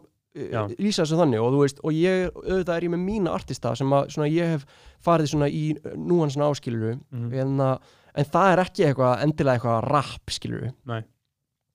þú veist, en að þú veist, þegar ég er úlingur, þá er ég bara að hlusta fokkin indie tónlist, skilur, ég er bara að hlusta á ég hlustaði, ég var, hlustaði manist á hljómsveit sem eða heitir Brian Jonestown Massacre og ég veit ekki hvort þú veist hvað það er. Jonestown Massacre. The Brian Jonestown Massacre. Þannig að það sem allir, þarna, stærsta fjöldi sjálfmorð í heimi. Já, já, Já. og það er semst, ég er bara hljómsveit sem heitir eftir Já. þessu og það er bara einn, einn maður sem hérna, heitir Anton Newcomb og er hérna, hefur búið mikið á Íslandi sko Mhm. og hérna, semst hérna er bara svona maðurinn baka þessu hljómsveit Mhm. og ég, þetta er bara hljómsveitin sem ég, ég hlustaði manist bara algjörlega manist á þessu hljómsveit og þetta, þetta er bara svona þetta er bara svona gamaldags rock skilur Já. þetta er bara svona, veist, það sem er svipað með þessu og hérna og til og með poptónlist í dag er að þetta eru bara fjóri hljómar þú veist, Mhm. hljómagangurinn breytist ekki og það eru ótrúlega einfaldar poplaglínur sem að, þú veist, keira síðan lægið áfram sem gera lægið að lægi, skilur Já. Þetta er svona, þú veist, þetta er mjög stór hlut af tónlisturupphildinu mínu þessi hljómsveit og það Mm. er hérna stjúpfæð minn sem að sko kynna mig fyrir þessu sem að hérna, sem að, og þú veist, hann hérna Sæmdræri hefur mjög mikil áhrif á sko hérna tónlisturupphildinu mitt, ég veist, Mhm. ég hlusta í gegnum hann á Massacre þú veist, hljómsveitir eins og hérna uh, Joy Division, þú veist, Mhm. Jeff Buckley hefur, þú veist, mikið áhrif á mig sem, hérna, þú veist, sem er ótrúlega flott lög Mhm. Og síðan þú veist á sama tíma og, og ég er að hlusta á eitthvað rockdót þú veist, Nirvana skilur hlusta manist á Nirvana líka þá er ég samt líka að hlusta á skilur eins og bara eins og ég nefndi skilur eitthvað Rottweiler, ég hlustaði Mm. ótrúlega mikið veist á Eminem þegar platan hans kom út með hennar The Curtains M&M show. Show skilur og síðan er ég náttúrulega líka bara af Pop TV kynnslóðinni skilur ég kom bara heim úr skólanum og maður negli Pop TV í gang og þannig að það er líka bara eitthvað Justin Timberlake og hérna 50 Cent og veist og bara allt það dæmi bara DJ Khaled skilur bara er bara hana þegar ég er í grunnskóla er bara ég er hana skilur Mm. hann er bara að segja we the best þegar ég Já. er bara í sjötta bekk skilur Já, en að þannig að það, ég er smá, þú veist, maður er smá þannig á milli heima, skilur Akkurat. rapp og síðan rock og, og þú veist, þegar ég er í mentskóla, þú veist, þá er bara indie-bylgjan rosa stóra á Íslandi og þú veist, þá er hljómsveitir bara eins og hérna blockparty sem að, þú veist, bara ég hlust ótrúlega mikið á og, og bara öll svona Iceland Airwaves senan sem hefur Mhm. ótrúlega mikil áhrif á mann eitthvað svona bara, krútt kynnslóðar já, þetta er mi- mikil Já. krútkynsla, ég meina, ég, þú veist Hjaltalín, skilur, ég bara, Mhm. ég hlusta ógeðslega mikið á Hjaltalín, skilur en að, að þú veist, smá súpa skilur ég er bara að gasa út en einhverjum, einhverjum hljómsveitum sem að ég hef hlustað mikið á skilur Haldt áfram, haldt gasinu áfram en, hérna, þú veist, en þetta er svona hérna, þú veist, maður er á milli kynsla maður, Mhm. maður hefur upplöðað bæðið einhvern veginn svona einmitt, rappið að píka og, Einmitt. og það allt pop Það er mjög áhugavert að þarna einmitt að alast upp í svona Já, dæminu já. og síðan áttu orðina manni Já. og tekur þátt í og ert svona einn af frumkvölum uh, rapp sem er í þannig séð ekki hluti af eða þú veist, ég er í eldri kantinum af þú veist, þessum, þessi, þessi nýja rappbylgja sko, ég meina krakkar fættir 92 á mínum aldri mm. þau eru, þú veist, þau eru að jafna því meira settled en ég til dæmis og svona mínir vinir þegar það kemur Mhm. að þessu, þú veist, þau, eru- þau eru kannski bara að hlusta meira á, þú veist, sömu tónlistina og hlusta á í mentaskóla, skilur Mm. þegar að við erum kannski að byrja að spókja mikið í rappi, skilur Akkurat, akkurat. Og hérna, þannig að þú veist einhvern veginn sena sem við stígum inn í og erum hann að, veist, að, að skapa tónlist fyrir, það er sena sem er aðeins yngri en við, sko. Mm Já, örlítið yngri. Já, bara örlítið, sko. Mm um, en já, þetta það, ég, svona, ég myndi súmera þetta upp svona þetta er, svona, veist, þetta er bara svona smá súpa sko. mm. Akkurat, akkurat.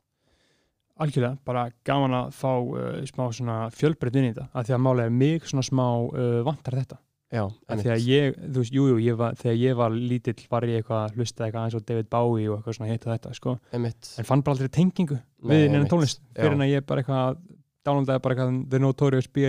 Já. B.I.G. diskografi, já, skilur einmitt og var bara eitthvað klikkað eitthvað, skilur ég skil ekki en ég hefði viljað einmitt sko aðeins svona að fá að kynna sér sem hljómsveitum Já. skilur eins og Joy Division aldrei hlusta á það já, og Jeff Buckley aldrei hlusta á það já það svona, er en- en- munur líka á þú veist, þetta dæmi einhvern veginn í dag við erum bara vöðin artistanum skilur við, það er þetta bara nafnið á manneskinni, eða þú veist, á artistanum það er náttúrulega talsvist minna um hljómsveitir og Já. hérna eins og ég segi skilur við, þegar maður er í mennskóla og maður er að alast upp Mhm. tónlistilega séð skilur við þá hérna, þá er, þetta mi- mikill svona, þetta er mikill hljómsveita heimur sko mm -hmm. Rettur Steffsson, þú veist Já. náttúrulega svona band sem maður fylgdist með verða til og píka og, og hætta skilur og uh, hérna, er dæmi um bara algjöra hljómsveit skilur bara Einmitt. eitthvað átta manns að spila á hljóðfæri skilur og bara með einhver Mhm. tíu mín live útgáfur af lögum Mm nákvæmlega, algjörlega, það skil sí, síminni að ringja eh, bara 100% Já. þá kannski það sem við ræðum Já. það sem við sjáum svolítið að ræða mm -hmm. ánum spilum lægið uh, og það er um, það er sem sagt nýja tónlistin, nýja tónlistin, fjórala EP fjóralega P. Sem heitir? Paranoia, Paranoia. Paranoia. Og lag, lagið á henni sem heitir Paranoia líka ekki? Jú, það, Jú. það er sem stegna síðast lagi á, plötinu sem heitir Paranoia. Mm -hmm. það eru fjölög uh, ég vinn þetta allt með Íslefi Já. þetta er Íslefur Þetta er Ísleif þetta er Ísleifur Já. og hérna náttúrulega bara algjör fokkin mestari sko, Emitt, algjör kongur sko. hann hefur produserað fyrir uh, Nico 24-7 24-7 uh, Byggja Hákon Emitt og þú veist hann er búin að vera mjög og, og Rari Boys náttúrulega líka já, sko, Rari Boys, það er nafnandi hans sko og hefur gefið út lög sjálfur sko, bara sólólög já, sko. hefur gefið út sólulög og hefur síðan líka bara unni með þannig að við unni með öllum þessum artistum þú veist, sem fólk hlustar áskilu Mhm. Jói og Aron Kahn og Flóni Já. og Birni þannig að við unni með öllum þó að uh, hlutir hafi ekki endilega komið út sko. Uh, hann er náttúrulega trappkongur uh, kvíðakongur mm eins og ég ég veit það og hérna og sko og þetta er þannig þegar ég er búin að svona eins og við vorum að ræði fyrir hlutunum þegar maður er búin að gangi í gegnum svona smá tímambil þar sem maður er svona að lenda á smá veggjum með tónlist og svona hvernig vil ég hljóma mm. að ég svona sirka út íslif og ég svona og ég áttum á að þarna er gauður sem að skilu mig Emitt, uh, og ekki að ég hafi ekki verið að vinna með fólki sem skildi mikið áður Mhm. en, en ég áttum á að þú veist, þannig er gauður sem er bara hann var alltaf day one stuð alls fans skilur þannig að Mhm. mm. útrúlega gaman að vinna með honum uh, og líka bara að, að þú veist, hann er úr austó skilur Einmitt. og það er bara, þú veist, hann er líka leikarabatn eins og ég skilur þannig að það er bara svona einhver tenging við bara, þú veist, ég við, við alveg svona skiljum hvern annan á einhver svona leveli að við þurfum ekki að ræða saman skilur mm. uh, þannig að þú veist, það var hann einhvern tímann 2018 sem að, svona, við kynnumst og við byrjum að gera hann nokkuð lög saman og við vorum að gera fyrst lög saman á ennsku og ég svona vildi dálítið binda enda á mér langaði dálítið að binda enda á þú veist, þess að ennsku tónlist með svona einhverju litlu projekti sem væri bara ég að syngja og uh, við Ísliðu byrjuðum að gera mikið á lögum saman og hérna byrjuðum að gera lög og ég var að syngja á ennsku og ég var svona, þú veist, að bara svona setja meiri pressu á sjálfa mig að vera svona sjálfstæða tónlistamæður skilur Mhm. og hérna og síðan, þú veist, lendi ég bara í mómenti það sem að hérna, Jóhann segir við mig að hérna bara hann segir við mig bara eitthvað, Bjartur sko, eh, þessi lög sem ert að gera með Íslefi á ensku hérna, þú veist, þú þarft ekki alltaf að þú þarft ekki að vera að gera lög bara til að vera að gera lög. Þú getur líka að hugsa þetta sem þú veist, getur líka að hugsa þetta aðeins meira sem, þú veist, bara hvað viltu segja, þú veist, auðvitað hljómar þetta gett basic og auðvitað Mhm. veit ég vissi alveg þá að þetta væri rétt, skilur en það er fínt að fá þessa áminningu stundum að því að þú veist, ég er þú veist, ég er leikari, skilur Mm og það sem að, þú veist, fólk svona með minn svona, þessa svona leikaramentin og leikaramentality, það er dálítið svona er svona vinnu þjarka menning. Mm. og maður svona er dálítið bara svona maður keirir þetta bara dálítið gegn, maður mættur réttum tíma og maður bara svona dálítið svona gerir hlutin. Veist, ég myndi segja að það væri dálítið svona leikaramentality að gera þetta svona. Þá bara mæ- mæta á æfingu og bara mætir, það. er bara síning í kvöld skilur þú bara, fucking, bara mætir og það er bara síning og, og ég var kannski smá að trýta tónlist svona bara, Já, það er bara, bara- stúdíu í kvöld og nú bara fer ég og gerir lag. Ah, en ekki, the show must go on. Já, mm. og, hérna, og, og bara núna ætla ég bara að fara að gera lag en Mhm. ekki, hérna, þú veist það sem að, það sem að Jóhann var kannski að benda mér á hana var, var kannski frekar líka bara uh, taktu frekar tíma, hugsaðu hvaða lag vil ég gera mm. hvað vil ég segja í laginu mínu og, hérna, og, veist, og þetta var eye-opener fyrir mig uh, og þú veist, og var á þessum tíma alveg erfitt fyrir mig að heyra þetta skilur Já, þetta er fallegt, það meika, mikinn sens Já, það meika mikið sens og þú veist, bara þú veist, náttúrulega bara Jói bara, þú veist, bara upphelds hérna bróðum minn skilur og bara Mhm. hefur hjálp hérna, stiðum stiðum, Mhm. við einhvern annan skilur hérna uh, og bara ótrúlega mikil gjöf skilur að fá að heyra þetta skilur þegar maður er svona smá á, að lenda á veggjum og er smá lost Mhm. og það sem að, maður, og það sem að gerist smá, smá kjölfærið er að ég svona fer smá á núlpunkt skilur, ég er svona smá eitthvað, ok, hvað vil ég gera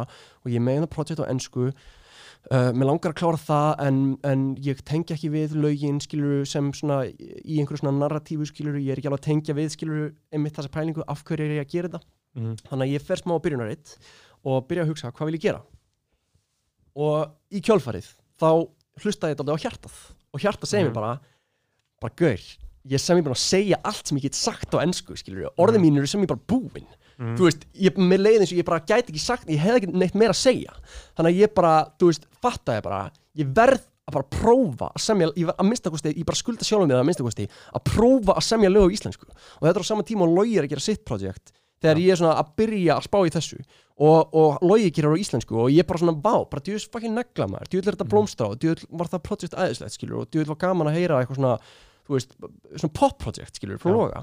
Og þá er maður fer ég bara back to the basics sko, ég fer bara back to the fucking roots. Mhm. bara í indíð, ég á klassikan gítar ég var lítill sko, þannig ég bara sest Nice. heima með gítarinn og bara ég kann bara, bara hljómana skilju, ég kann bara gripin og ég bara ákveð bara, ég ætla bara að prófa að semja lög í íslensku og ég byrja bara heima, ég legg hljómana á gítar og ég og ég sem lægið heima ég sem lægið sjálfur ólíkt því sem ég hef alltaf verið að gera áður þar sem við erum bara í stúdíosessinu og lægið er að vera til og maður er eitthvað svona að leika sér skilur nú bara sem ég lægið heima og ég sem það út bara, ég, ég bara, veist ákveð að hafa það eitthvað sem að skilur ég bara veist, það, það, það verður að koma frá einhverjum stað skilur, að vera einhver, einhver ástæði fyrir því og ég verður að gera það fyrir mig skilur, þetta, þetta verður að vera eitthvað sem hefur þýðingu og, og, og vægi fyrir mér. Og hvernig við unnum þetta projekt, það var þannig að veist, ég sem lögin heima, kem með þau til Ísleifs og segi bara þetta á að vera svona, svona, svona, svona, svona, svona. Og síðan Mm. bara fucking hökku okkur í gegnum það skilur og, eðna, og Ísleifur er alltaf með hennar trapp bakgrunn skilur og, hann, og þetta projekt er alltaf pop project sko, og Þannig hann er svona smá að stíga inn í þinn heim hann er smá að rauninni. stígin í minn heim sko. Og veist, og það var og það tók okkur tíma að finna common groundið skilur, veist, það var ógustlega næs að, þú veist, við, eins og ég segi skilur að tenging, hérna, við skiljum hvern annan en hérna, en auðvitað er hann trap-producer og ég er, reyna, ég er að reyna að búa til eitthvað pop project. Mhm. þannig að, veist, fyrstu hérna, veist, svona fyrstu lögin sem við vorum að gera saman þá verð ég alltaf að ógustlega mikið að segja eitthvað Íslefi, þú er að hlusta meira pop, þú er að reyna að gera eitthvað svona, eitthvað svona pop lög. En síðan fattaði ég, þú veist, á einum tímapunkti þegar við vorum í, í vinnunni að sko, að þú veist þetta ásamt frekar að vera að við gerum þú veist, ég sem lagið, skilur þetta er poplag sem ég sem, en það má alveg vera í, þú veist, það má vera traps, þú veist, hljóðheimin má vera trapplegur Já. og minnst aldrei gott dæmi um þetta, vera hérna uh, bandarísk tónlistkona sem heitir Summer Walker sem var ótrúlega vinsæl í fyrra Mhm. sem var bara einn af topp artistunum mínum í fyrra og hérna hún er bara klassísk svona R&B mikil pop hérna söngkona en hún hérna London and Track er kærastinn hennar og hann Já. semur allt projekti með henni þannig að hljóðheimurinn er skiluru daldið, hann er daldið trapplegur en lögin eru poplög og þetta var sweet spotið sem við Íslefur fundum síðan á endanum og við, við sömdum fokkið mikið að lögum sko, veist, við gerðum Íslefur sagði um daginn eitthvað, "Ó, við gerum 25 lög eitthvað. I don't know skilur Mm. en, og ég var mjög picky skilur og ég var, og ég, þú veist, lögin sem standa eftir eru, þú veist það er, þú veist, ég, þú veist, ég er ánægð með það skilur Mhm. ég, þú veist, Já. þessi tilfinning er hérna núna skilur og þú veist, ég get verið þú veist, ég get verið virkilega ánægð með þetta og ástæðan fyrir að ég vil hafa þetta EP en ekki single eða plata er að þú veist, þetta er þú veist, þetta heitir, þetta er styrðað allar skilur þetta er styrðað Mhm. allar með nýtt projekt Mhm. en þetta er nýr artist skilur Mhm. þetta er nýr artist, þetta er Já. á öðru tungumáli þetta hljómar allt öðruvísi þetta er bara, það er allt nýtt við þetta og ég pældi, þú veist, ég var meira svo umstund að pæli í því að bara að láta það heita öðru nafn, að, veist, að ég myndi bara heita kannski bara Sigurbjartur, skilur, Mhm. fyrir nafnum mitt Já. og en það en síðan bara er það svo fokki mikið sköll maður. Pældi hvað það var mikið sköll fyrir mig. Algjört vesen. Algjört fokki með þessi þannig að ég var bara, eitthvað, nei, ok, Já. belum á því. En Já. uh, en já, það, það er svona það er smá svona hvernig þessi þróun er búin að vera, við sömdum þetta allt í apríli fyrra. Þá bara gerðum við bara hana ógeðslega mörg lög. Mhm. síðan tókum við okkur smá pásu við sumarið og, og ég var eitthvað með hérna svipin á mönnum að reyna að láta á hérna, þú veist, finessa lögina því að þú veist Já. Ísleifur er pródúserinn en ég var alltaf með pælingunum að einhver að- annar myndi mixa lögin sko uh, þannig ég var smá að reyna að kera það í gegn í sumar það var svona, uh, gegn smá hægt fyrir sig en, hérna, en síðan uh, náðum við að finessa það núna bara rétt fyrir áramót Mhm. um, uh, uh, Það er Ar Arnar sem að mixa það ekki nei, Sæsi Sæsi, já, auðvitað. Sæþór Kristjánsson, Stop It Go hann Já. mixar, hann mixar fyrir Herra hann mixar fyrir Auðvitað. Bríeti, hann mixar fyrir Frikadór Mhm. og hann er bara partur af þessu Stop It Go crewi Akkurat uh, Arrow, X-Geir og Sæsi Mhm. og Sæsi er bara mixgörin í Stop It Go Akkurat. að því sem ég best veit, skilur Já. ég, ég þekki það náttúrulega ekkit eitthvað bráslega persónulega, skilur Mhm. en hérna, að því sem ég best sé þá hann er, uh, hann er genius, sko, þú Já. veist þetta er svona dæmi sem að, skilur ég þú veist, auðvitað, skilur þessi lög eru til í hérna, apli fyrra og ég er, er auðvitað orðin þreyttur á fullt, að, þú veist, maður, maður fær ógæða þessum lögum, skilur Mhm. síðan þegar að ég ákveða að fá hann í mixið þannig að ég loka árs, skilur Mhm. og ég fæ lögin aftur á honum, þá er ég bara mindblown, skilur það er bara Endur uppgötar svona vissluna endur uppgöta að fucking vissluna Já. maður, ert að djóka hvað þessi, þú veist þessi felli Mhm. Góður er góður í þessu Já. og þú veist, ég en það og uh, án þess að þróa neinu sko uh, shade á neitt annan, ma- maður er bara gaman að segja frá þessu skilju, af því að bara þetta bara, þú veist, bara að því að þetta er skemmtileg saga sko, þú veist, hérna, eins og Logi var með eitt lag sem að, hérna, Logi endur prodúseraði til með síðan Paranoia titilagi þá Já. á projektinu uh, hann endur prodúseraði og hann var að mixa það líka fyrst. Og síðan hérna uh, var ég búin að ákveða að singullin minn að ég var með ákveða, mér langaði að prófa að láta Sæsa mixa singulin og síðan ætla ég að láta bara einhverja aðra mixa hinn í singulina, bara eitthvað loga og arnar og svona. Og hérna, síðan fæ ég mixið tilbaka frá Sæsa og, og ég síni loga það og logi ég bara fuck guður bara það er svo mikil munur á þessum mixum. Þetta bara hljómar svo allt öðruvísi. Þetta, þetta mix frá þessum fellagina þetta er bara, þú veist þetta er bara, þú veist, þetta er bara top of the line dæmi og ekki það að Mhm. logi er náttúrulega bara top of the line mixer líka skilur Mhm. en að, þú veist, það er eitthvað, það er eitthvað smá ekstra flavor í þessu sem kemur frá Sæsa Alltaf það sé að þú og Logi eru búin að vinna svo ókíslega lengi saman að Sæsi gæti sé eitthvað nýtt sem að Þa, það má vel vera Já. þú veist, það má, uh, ég meina fyrst skipt sem ég heyrði hérna singulinn sem að hann mixaði fyrst fyrir mig skilur Mhm. þá er hérna bara fyrsta mómenti sem ég heyrði röddina veist, Mhm. ég var upp í sofa með kærstinu minni, hún var að horfa mynd ég var með hérna, hérna noise cancelling hendól Mhm. og þú veist, mér brá sko, þegar röddin kom inn skilur Mhm. ég bara, Nice. ég bara svona þú veist, ég hrifðist Mhm. í sætunum mínu að því ég bara, hapið, þú veist hljó, get ég hljómað svona þú veist, get ég, ég, þú veist, ég hef heyrt lög frá öðrum íslenskum poptónastamönnum röppurum Mhm. jafnvel, sem að hérna, ég heyri demoversjónina og ég er eitthvað, ha bara, ó, þetta, þú veist, ætla hann að gefa þetta út Mhm. síðan fer það í gegnum sæsa og, Já. og maður er bara, já, ok Mhm. Nice hellað, Mhm. alveg dæmi, sko Gækja maður uh, Þannig að þetta eru fjölög Já. koma út uh, Föstudaginn, 7. Já. 7. mars já, sorry, ég ætla að, ætla að klára þetta á henni, ég náði að klára punktum minn ástæðan fyrir að gefa út EP en ekki bara single eða plötu já, að þú veist, þetta er nýr artist og þú veist, single með líðunni svo að væri kannski, þú veist, ekki nógu svona stór biti fyrir, fyrir fólkið.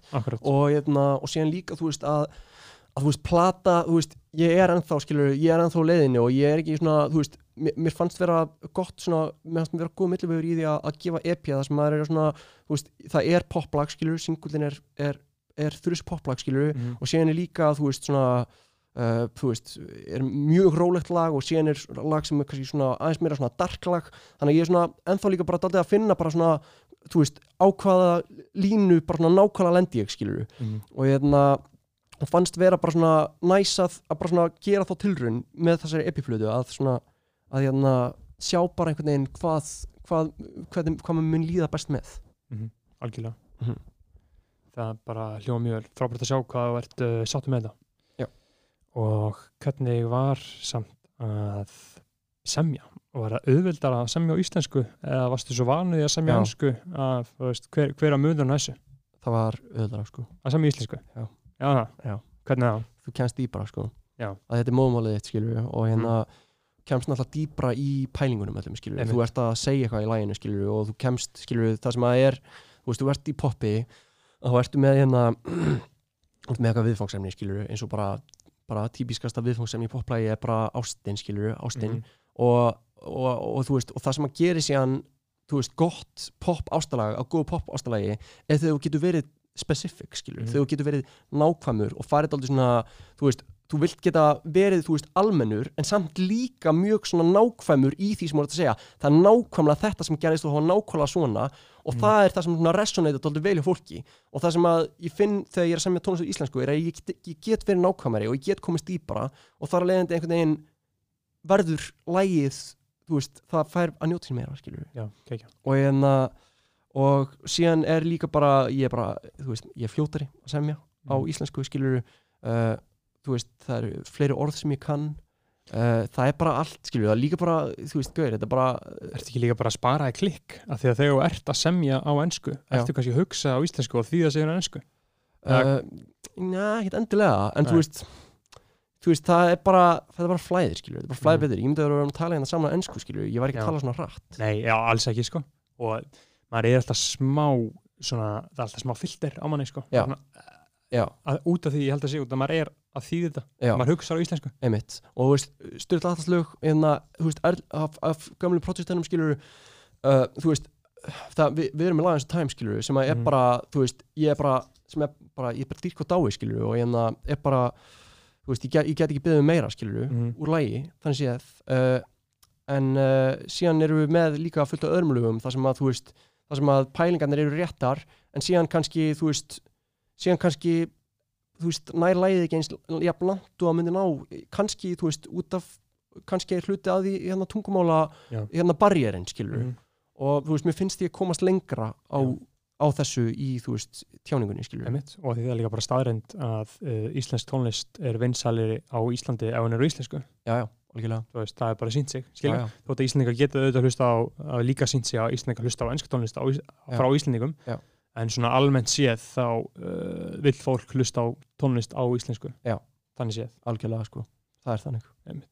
Um, já, þannig að það er svona tvent sem að mér langar aðeins að fara yfir uh, áður en að klárum við sinna. Klárum þetta hérna. Um, Glundum alveg að fara í það þegar að fara yfir fyrirlin. Uh, útrás. já, já, já, Þið ég, ha- gaur, ég var að hugsa það líka með þér það er náttúrulega svona smá gráða, minnst ekki að það þegar, þegar við fórum þarna, yfir fyrirlin í fyrirpartinum þá þarna, við töluðum ekkert um öll giggin í útlöndum. já, þú meina það, ég var, ég var að meina annað, sko Já, hvað varst þú að meina? ég var að meina bara, þú veist, batterið bara einn á one-on og útvarpið og allt það, skilur Já, það, það, það líka, sko. já, já, Uh, útrás, meina byrjum bara á að, að, að þið, þið gigguðuð slatta úti, slatta sko úti. Hva- Hversu oft voruð þið? Uh, ég veit ekki, við fórum alveg fórum nokkur sinn til London og fórum til hérna, veist Birmingham og fórum að spila með Sona Barcelona og ég meina, veist, þetta er líka hluti að eins og ég var að segja, skilur, að við vorum að búa til ógeðslega mikið pening og vorum, ekki, vorum alltaf bara að borga okkur einhver 50 Já. skalla, skilur Einmitt. það er líka bara því að, veist, við vorum ofta að fara og splæstum bara í utanarsferð þar sem við fórum bara að spila og fengum Mhm. okkar shit fee, skilur, við fengum kannski bara 100 áskall borgaðan Mhm. fyrir giggi okkar í London. Þannig að við notuðum bara gigpenning frá mentaskólum hérna heima til að borga bara flug fyrir okkur alla. Akkurat. bara allt fucking skvatið fór til London. Og, og, hérna, og þú veist, vorum eitthvað svona í, bara þú veist, að leika okkur með þetta skilur við og veist, og síðan alltaf vorum við líka lukkulegir og fengum, þú veist, umfjallanir bara hjá ID og hérna Mhm. Noisy og Wonderland Magazine og bara, það voru svona erlendi miðlar sem gá okkur gaum sko og, og fjölluð um okkur og náttúrulega frábært myndbandi hann er ekki ID Jú, meets Icelandic hip-hop eitthvað, þú Jú. og Joey einhverju náttúruleg Já. og þú veist, og hérna það það, veist, þar myndu tengsl sem að til og með byggu til gig fyrir okkur í London Já. Sömulegis, þú veist, við spilum á tónlistrátíð við spilum á tónlistrátíð The Great Escape í Birmingham þar sem við kynntum, þú veist, hljómsveitinni Hair Squad sem hefur komið í kjálfarið tveisvar að er spila á það Íslandi. ekki uh, Brighton? Brighton, Brighton, Já, Birmingham það, Birmingham, það er annað það er það er skýta place það er skýta place. Versta fólk sem við komum til að yfir Jóin að það bjó í Birmingham, Já. sko, einu sinni. Rosalegt sko. En þarna, einmitt, þið komuðu til London og ég er náttúrulega hitt ykkur í London. Já, einmitt, já, ég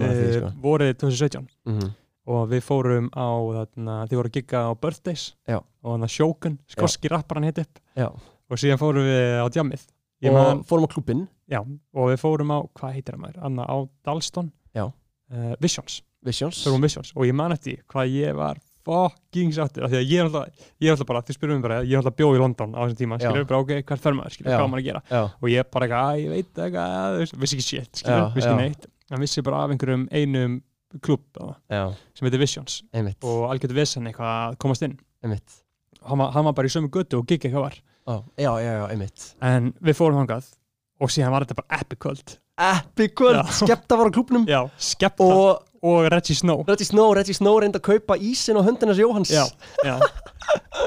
Ma, Þetta var, e- sko, þetta var Já. episk kvöld. Ég maður sko geður til eftir þessu kvöldi. Já, við skemmtum okkur sjúklega vel, sko. Já, man, og skepta var þetta með sólgleru og hettu. Já, og þú veist, þetta var voruð 2017 Skep, skepta var sko.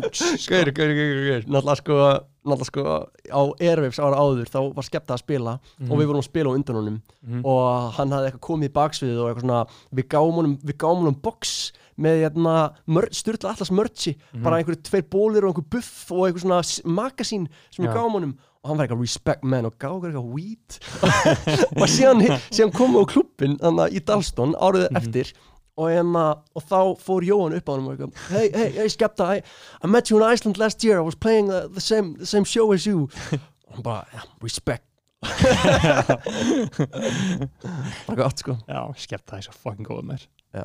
En þetta var vissli kvöld og síðan ég, man, ég, ég gisti í húsin ykkur sem fór á. Five, Guys daginn eftir. Já, já, já, Þið voru að sniffa einhverja blöður eða eitthvað hjóðleis, ég man ekki alveg hvað var að gera. Já, erfitt að fara út í þetta enna sko. Já, já, En þetta er svona helium, helium blöður sem að er þetta ekki svona típist að krakkar að, að fá sér þetta inn í svona, Jú, eitthvað svolítið Já, já, æ, þeir Við- ræða með þetta ekki. þurfum ekki að fara út í þetta. En já, þið voru að uh, gigga mikið Já. og var á einhverju tímabili bara hei, við ætlum að fucking make við ætlum að fucking, þú veist. Sko, við erum alltaf með hérna, þú veist, uh, hérna, og svo við höfum rætt, skilur, við erum með hérna Líndúr sem að, skilur, hefur gert það virkilega gott sem, skilur, skandinavísku rappari á ennsku mm í, uh, bara hann hefur gert það virkilega gott í Európa-bandaríkjunum og er með köld hann er svona tónlistamæður sem er fyndið að skoða, skilur, eins og Spotify. -hmm. hann er ekki með, skilur, eins og skoðar uh, hérna Aron Kahn, hann er kannski með 30-40 hérna, hlustendur í Reykjavík. Mhm. uh, stærsta borgin hans uh, Líndúr, skilur, það er samt bara kannski 70 mann sem hlusta á hann í þeirri borg. Um en allt. hann er bara með kannski 5-7 mann sem hlusta á hann í bara öllum stórborgum heims skilurðu. og þú veist, og hann var auðvitað mikil fyrirmynd. Uh, það sem var auðvitað munin er að veist, við vorum svona, svona ótrúlega svona vinsal, vinsalt svona lokal akt skilur Mhm.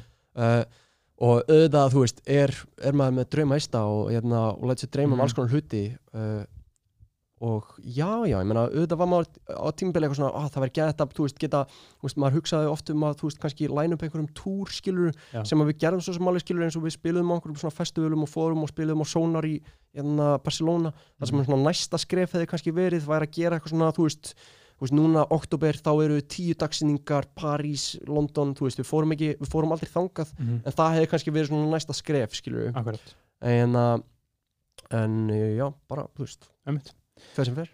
Algjörlega, það er bara að gera sem að gerist sko. Já. um, þá þarna ég horfði á skia viðtal og í bílnum. Hann- skefiðtal, Já, já, þú varst ok. í bílnum Já.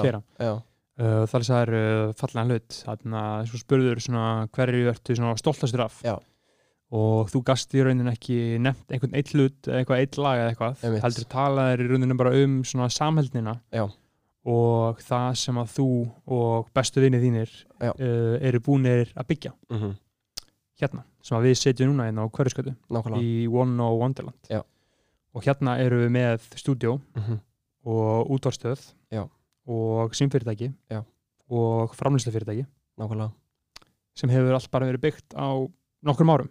Já, í rauninni.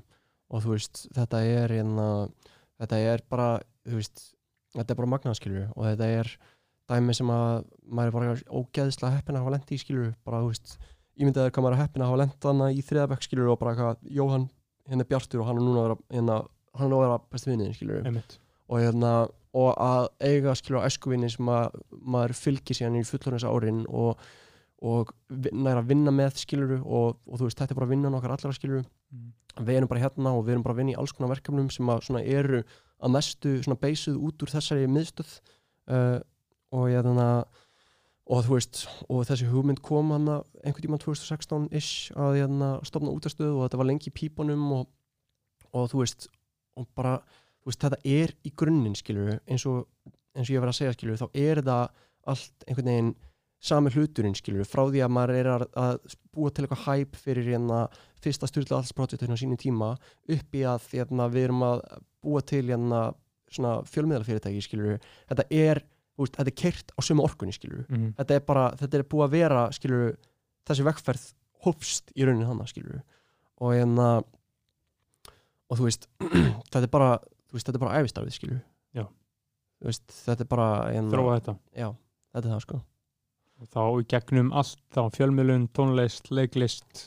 Já, ég meina, þú veist, maður er, þú veist, það sem er svo geggja við þetta er að maður er búin að búa til batteri við erum búin að búa til batteri Mhm. það sem að, þú veist, sem er plattform fyrir ógeðslega mikið af fólki.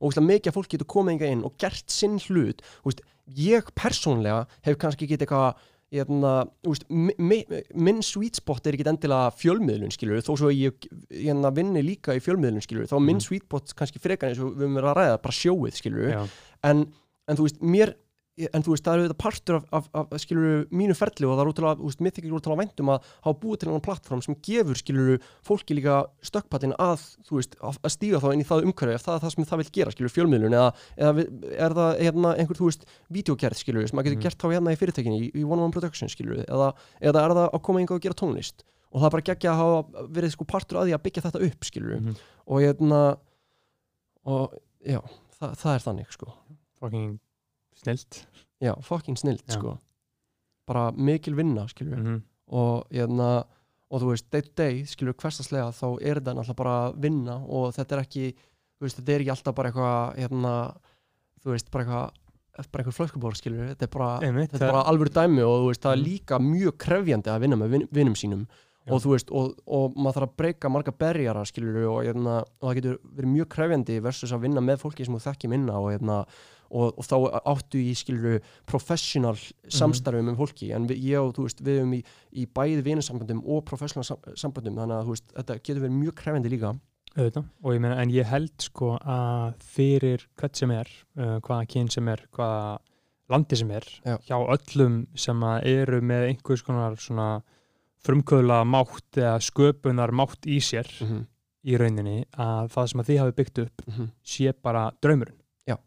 Bara pík draumurinn Já, Skilur. þetta er það, að sjálfsögðu er þetta og hvernig í rauninni svona dílar við það að maður er oft, maður lifir í veislunni skilur, Já. lífið er veisla uh, en oft verður maður vanþakláttur já, og vill eitthvað meira og meira og meira og meira og meira, og meira. mjög. Þú veist, ertu meðvitaður um hvað þetta er mikil epík Já, ég fæ, ég fæ moment, skilur ég fæ Mhm. moment þar sem ég átta mig á Guð minn góður, hvað er magnað sem við erum með í höndunum.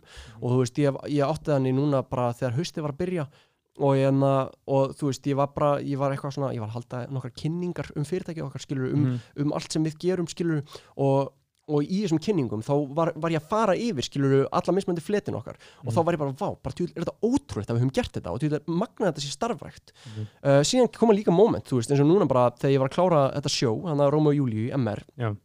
Það sem að, þú veist, maður, maður fæ stundum dálítið svona post-show depression, ég hef oft talað um að skilur, Fæ- fæðingarþunglindi já, maður fæ smá fæðingaþunglindi þegar maður er, þú veist, bara búin að koma inn að sviði eða hvað sem er skilur Mhm. og, og þá, þú veist, getur maður upplegað bara, ah, bara þetta er hérna erfitt og hérna, og allt það, en þú veist, maður, þú veist, maður vinnur sér í gegnum það og þú veist, og þetta fer upp og niður og, og hérna, og maður er í, í þróun, þú veist, ultimately þegar allt kemur til alls og allt kemur saman, skilur þá er ég bara, þú veist, áttaði mig á því að ég gæti ekki verið hefnari og ég gæti ekki verið í meiri luxustöðu en ég er í verandi með, þú veist, þetta dæmi sem við höfum náð að skapa og verandi bara ennþá í þeirri stöðu, skilur að, hérna, að bara, að þú veist, fá að vera listamæður, skilur Einmitt.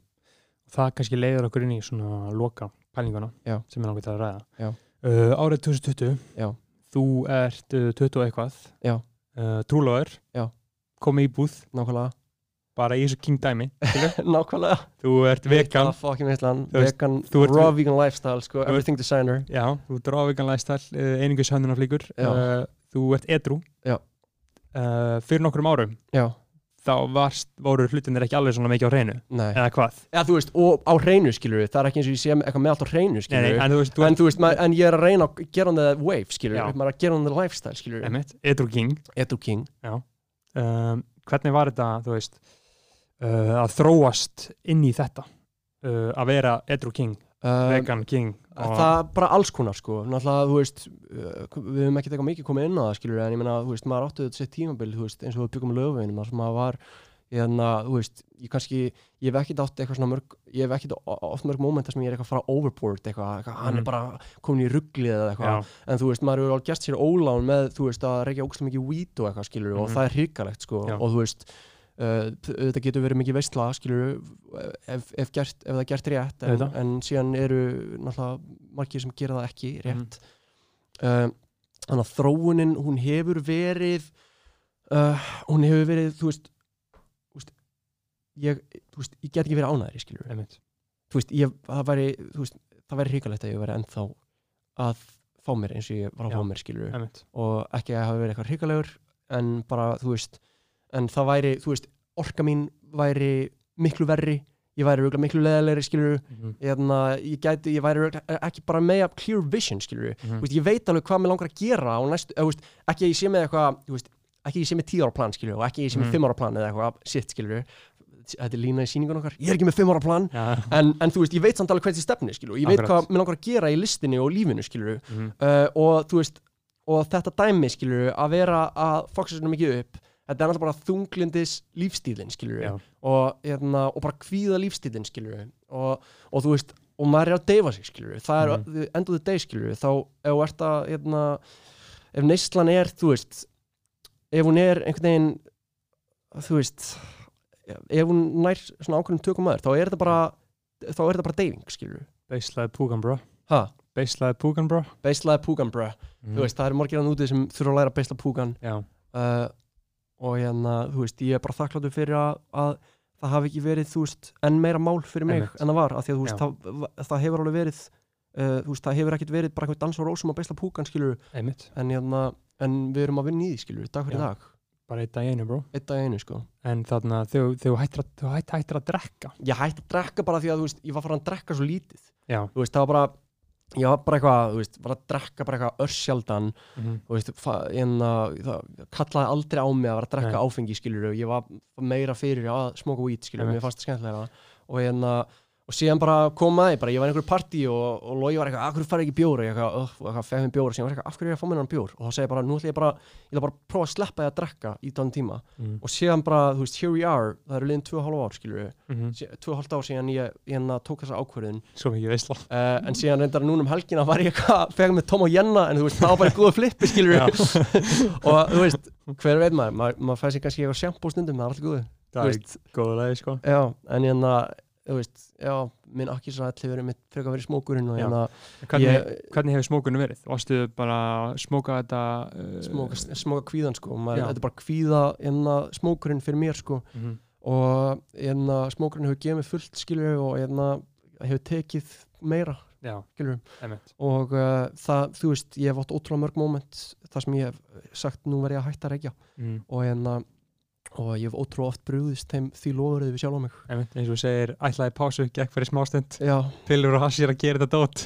Nákvæmlega. Mhm. og þú veist, ég sagði að fara í meðferð um þrítugt Já. en hérna, ég held að það mun ekkit verða þessari meðferð. Nei, nei, þú þarft þess ekki sko. Nei, en hérna já, sko, þú veist, ég bara þú veist, ég tók mér eitt ár þar sem ég ger ekki neitt, sko var bara algjörlega edru Mhm. uh, og síðan prófaði eitthvað aðeins aftur að smóka og þú veist, og, æ, þú veist, það var bara sökkað, skilur Já, þú veist, það var, það var alltaf læg, skilur ég bara eitthvað, bara fyndið að vera eitthvað freðin að horfa sci-fi mynd, skilur Já, uh, en síðan bara eitthvað er það líka sökkað, skilur og, það, og, og líka bara að reykja weed, skilur það, þegar þú ert orðin fullorðin, ég er 27, skilur það verður held ég fyrir flesta minna næs að vera freðin þegar maður er fullorðin, skilur einmitt. Uh, þannig að, þú veist, þetta er bara svona tímabil sem er bara svona, já, já, þú veist, maður er bara búið með þetta, skilur Mhm. Það er líka bara, veist, það er næs að vera með að pakka og vera ekki, veist, ég er ekki án þrítur, skilur, það er svo Mhm. mikið að gaurum, skilur, mikið að gaurum og kynnslóðinu fyrir og mig, skilur, og kannski í lið sem er fætt eitthvað 70 og eitthvað, 70 og eitthvað, 60 og eitthvað. Og það hætti að drekka þegar það var, skilur, að nálgast færtugt Já. og allt svona dæmi verður miklu erfiðara þegar þú ert orðin eldri, skilur Miklu og þú veist, ef ég myndi, halda áfram að smóka bara næstu tíu árin þú veist, það væri bara hræðilegt. Ég er bara 38 ára, skilur bara Já. eitthvað, já já, nú er þetta komið gott. Já, Já. löngu komið gott, sko. Já. Uh, þetta er það. Ég held að við bara endum þetta á þessum uh, heilla orðum. Já. til æskunar og til gúdsana. já, til gún svona, bara, þú veist. Sko ég segi alltaf að krakkar eigi bara djáma í gegnum mentaskóla, já, fara